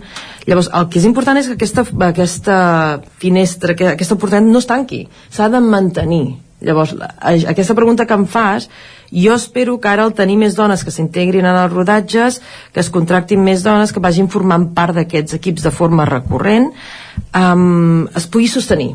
Si no es sosté que això, llavors doncs aquest ajut pot desaparèixer, com qualsevol, que és el que Hollywood no estic tan segura, perquè hi ha... Bueno, aquí domina el cotarro i, i es veu a la dona com a risc que és un, un tema que vull parlar perquè veuen la dona com a risc uh, la Jodie Foster que vaig estar parlant també amb la Jill Soloway allà són dones que, o la Julie Delpy que s'han obert camí i que a més tenien, doncs, tenien ja Oscars, tenien um, bueno, són, són, venien o bé, bé com a un reconeixement. un reconeixement i no podien tirar endavant els seus projectes perquè Uh, bueno, hi ha molts diners en una pel·lícula ja saps que no és que sigui un pressupost ajustat Sí, no, no, no, llavors hi ha un risc hi ha, es mouen diners. hi ha un risc fi- financer i, i uh, veien a les dones com que uh, o que, oi, que són difícils de tractar. O, o massa o poc, saps? o és que no, no tenen un ego prou fort per poder aguantar no sé què o perquè no sé què. I, i jo dic, escolta, però les dones són creadores, porten criatures a aquesta vida i fan el possible per tirar-les endavant. Estan fent mm, multitasking, no? que diuen mil i una tasques. I és, és una noció és, que s'ha de, de, de desfer el que dius tu per desfer i, i construir. Sí, però, però hi ha unes narratives molt inculcades, molt arrelades a la societat que s'han de canviar. Fins que aquestes narratives no canviïn i no hi hagi legalment aquesta normativa subvencions en què estiguin en el seu lloc serà difícil que això eh, i ara veig que s'està fent mica en mica no? però és que és una realitat. Sí. Tu ara estàs movent de ple on el, el llargmetratge que tens previst fer aquí ara a Catalunya, et trobes de ple treballant-hi al voltant. Si miréssim una mica el teu equip, trobaríem... Moltes dones. Sí. Bueno, és, és un projecte feminista també, eh? té, té, té cinc dones potents, eh, també hi ha homes, però jo tenia ganes també de mostrar dones que no fossin només víctimes o objectes sexuals o, o una visió reduccionista que a vegades la trobo molt planera, sinó que fossin unes dones, doncs, són complexes i són moltes coses, no? Són, són, són caòtiques, són dèbils i fortes i, i, i, bueno, i delicades i al mateix temps amb una poètica brutal, jo què sé. I llavors doncs eh, amb l'equip eh, estic posant tant, la, tant tots, a tots estic posant tant de disseny de so com de música com la directora de fotografia estic posant tot dones perquè és que és important evidentment que també estem treballant amb, amb, amb homes no? perquè el, el que vaig a mirar és, és l'essència de la història que és, eh, en aquest cas és molt feminista i que estem parlant de, de les forces creadores dones forces creadores a tots nivells uh, doncs uh, sí que hi farà molt clar no, no, jo ho estic prioritzant o sigui, per mi m'estic envoltant de dones perquè crec que són amb les petites accions en què, en què podem fer un canvi i comencem doncs, amb els cercles més propers no? amb els amics, amb la família en el dia a dia, quan, comencem, quan fem aquests canvis nosaltres, és com uh, en anglès diuen el ripple effect tires una pedreta a l'aigua i que hi ha aquesta, aquests cercles uh -huh. concèntrics que van afectant més enllà doncs igual, i per tant doncs, amb qualsevol projecte que faci jo asseguríssim que tindrà, mm, si no un 50% més de dones, tant a la, davant de la pantalla, tant a davant de la càmera, vull dir en pantalla, mm. o a darrere. Escolta, Alba, tu aquest cap de setmana vas estar als Gaudí, vas veure la catifa vermella en primera persona i qui també ens ha fet una mica de repàs de com van ser aquests Gaudí, i més concretament al voltant del de sostre groc. És la Clàudia del Nou Ràdio, que ara ens explicarà una miqueta com anar aquests premis i comentem la jugada entre totes, si us sembla. Exactament, l'Alba, si dic alguna cosa que no, no toca, que, que em corregeixi, perquè ella hi va ser en primeríssima persona. En fi, com bé dèiem, aquest diumenge a la nit es va celebrar la gala dels Premis Gaudí i un dels moments més esperats, ho sabrà qui va seguir la gala, es va viure quan les protagonistes del Sostre Groc van pujar a l'escenari per recollir el Premi a millor documental. Què és el Sostre Groc? Doncs és un documental dirigit per Isabel Cuixet que explica el cas de cinc supervivents dels abusos sexuals que es van produir durant més de 20 anys a l'aula de teatre de Lleida. Uns fets que Cuixet i com molta gent, molta gran part de, la, de les persones que avui podem parlar d'això vam conèixer, va ser a través d'una investigació que els periodistes Albert Llimós i Núria Joanico van publicar al diari Ara el 23 de maig de l'any 2020. En aquest article, un grup de nou dones exalumnes totes d'aquest centre denunciaven abusos sexuals per part d'Antonio Gómez, professor i director en aquell moment de l'aula de teatre de Lleida. Al cap de només sis dies de publicar-se aquest article, per tant el dia 29 de maig, la directora Isabel Cuixet es va posar en contacte amb algunes de les denunciants. Els hi va dir de fer alguna cosa a nivell visual i així mateix és com eh, es va començar a gestar el Sostre Groc, un documental que va estrenar-se el passat mes de setembre al Festival de Sant Sebastià.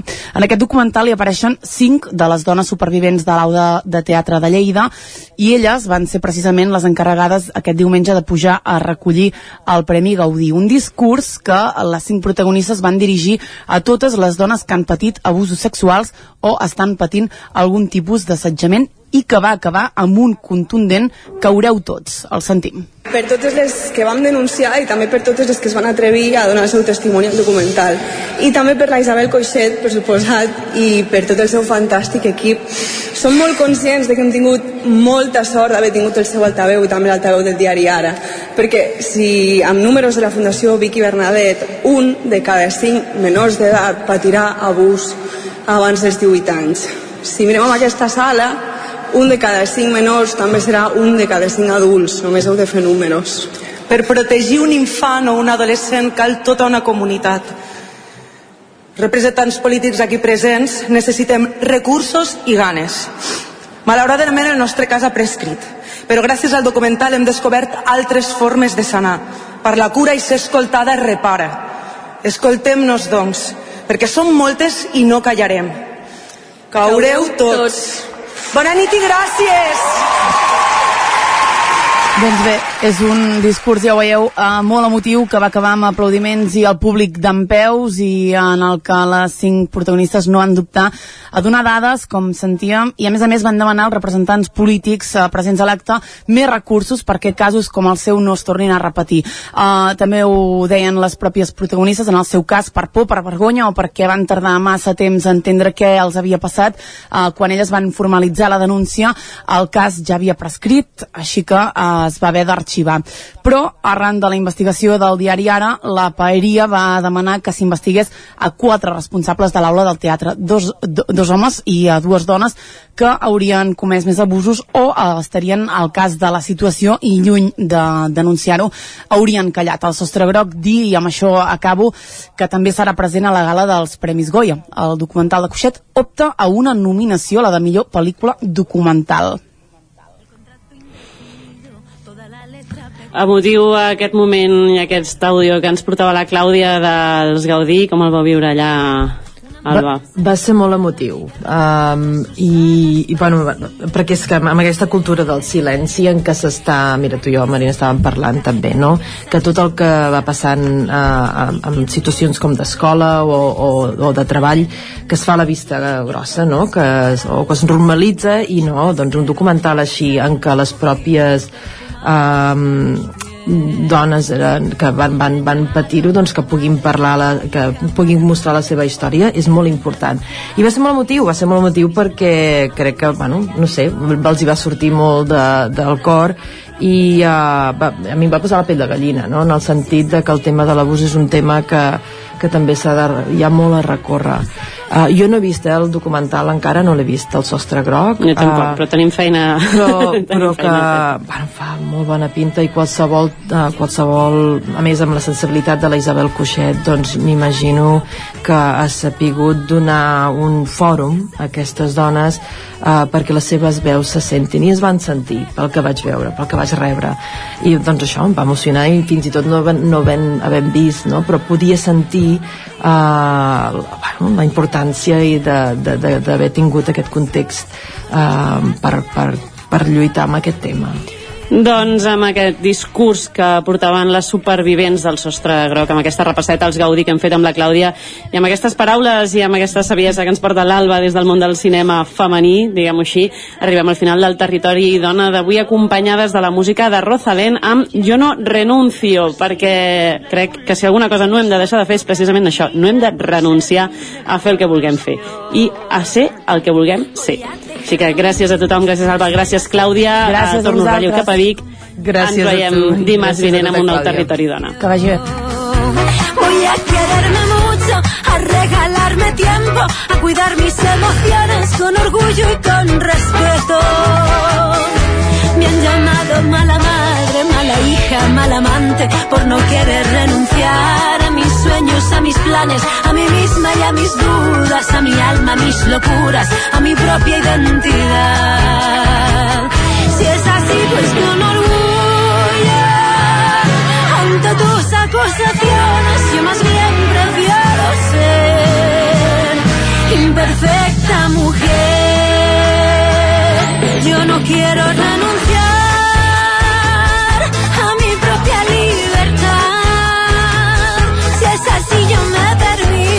say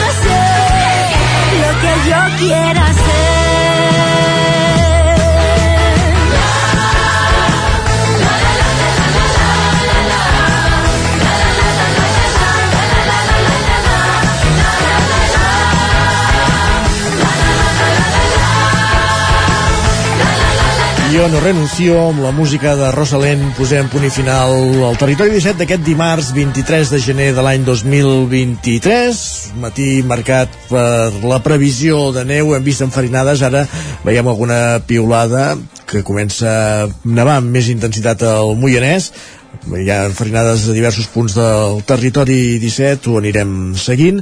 Moltíssimes gràcies per haver-nos acompanyat, us hem acompanyat des de les 9 de, del matí, a comptades Roger Rams, Pol Grau, Pepa Costa, Joan Carles Arredondo, Guillem Sánchez, Maria López, Clàudia Dinarès, Sergi Vives i Isaac Moreno. I tornem demà. Fins aleshores, que vagi molt bé. Adéu-siau. Un magazín del nou FM. La veu de Sant Joan, Ona Codinenca i Ràdio Cardedeu amb el suport de la xarxa.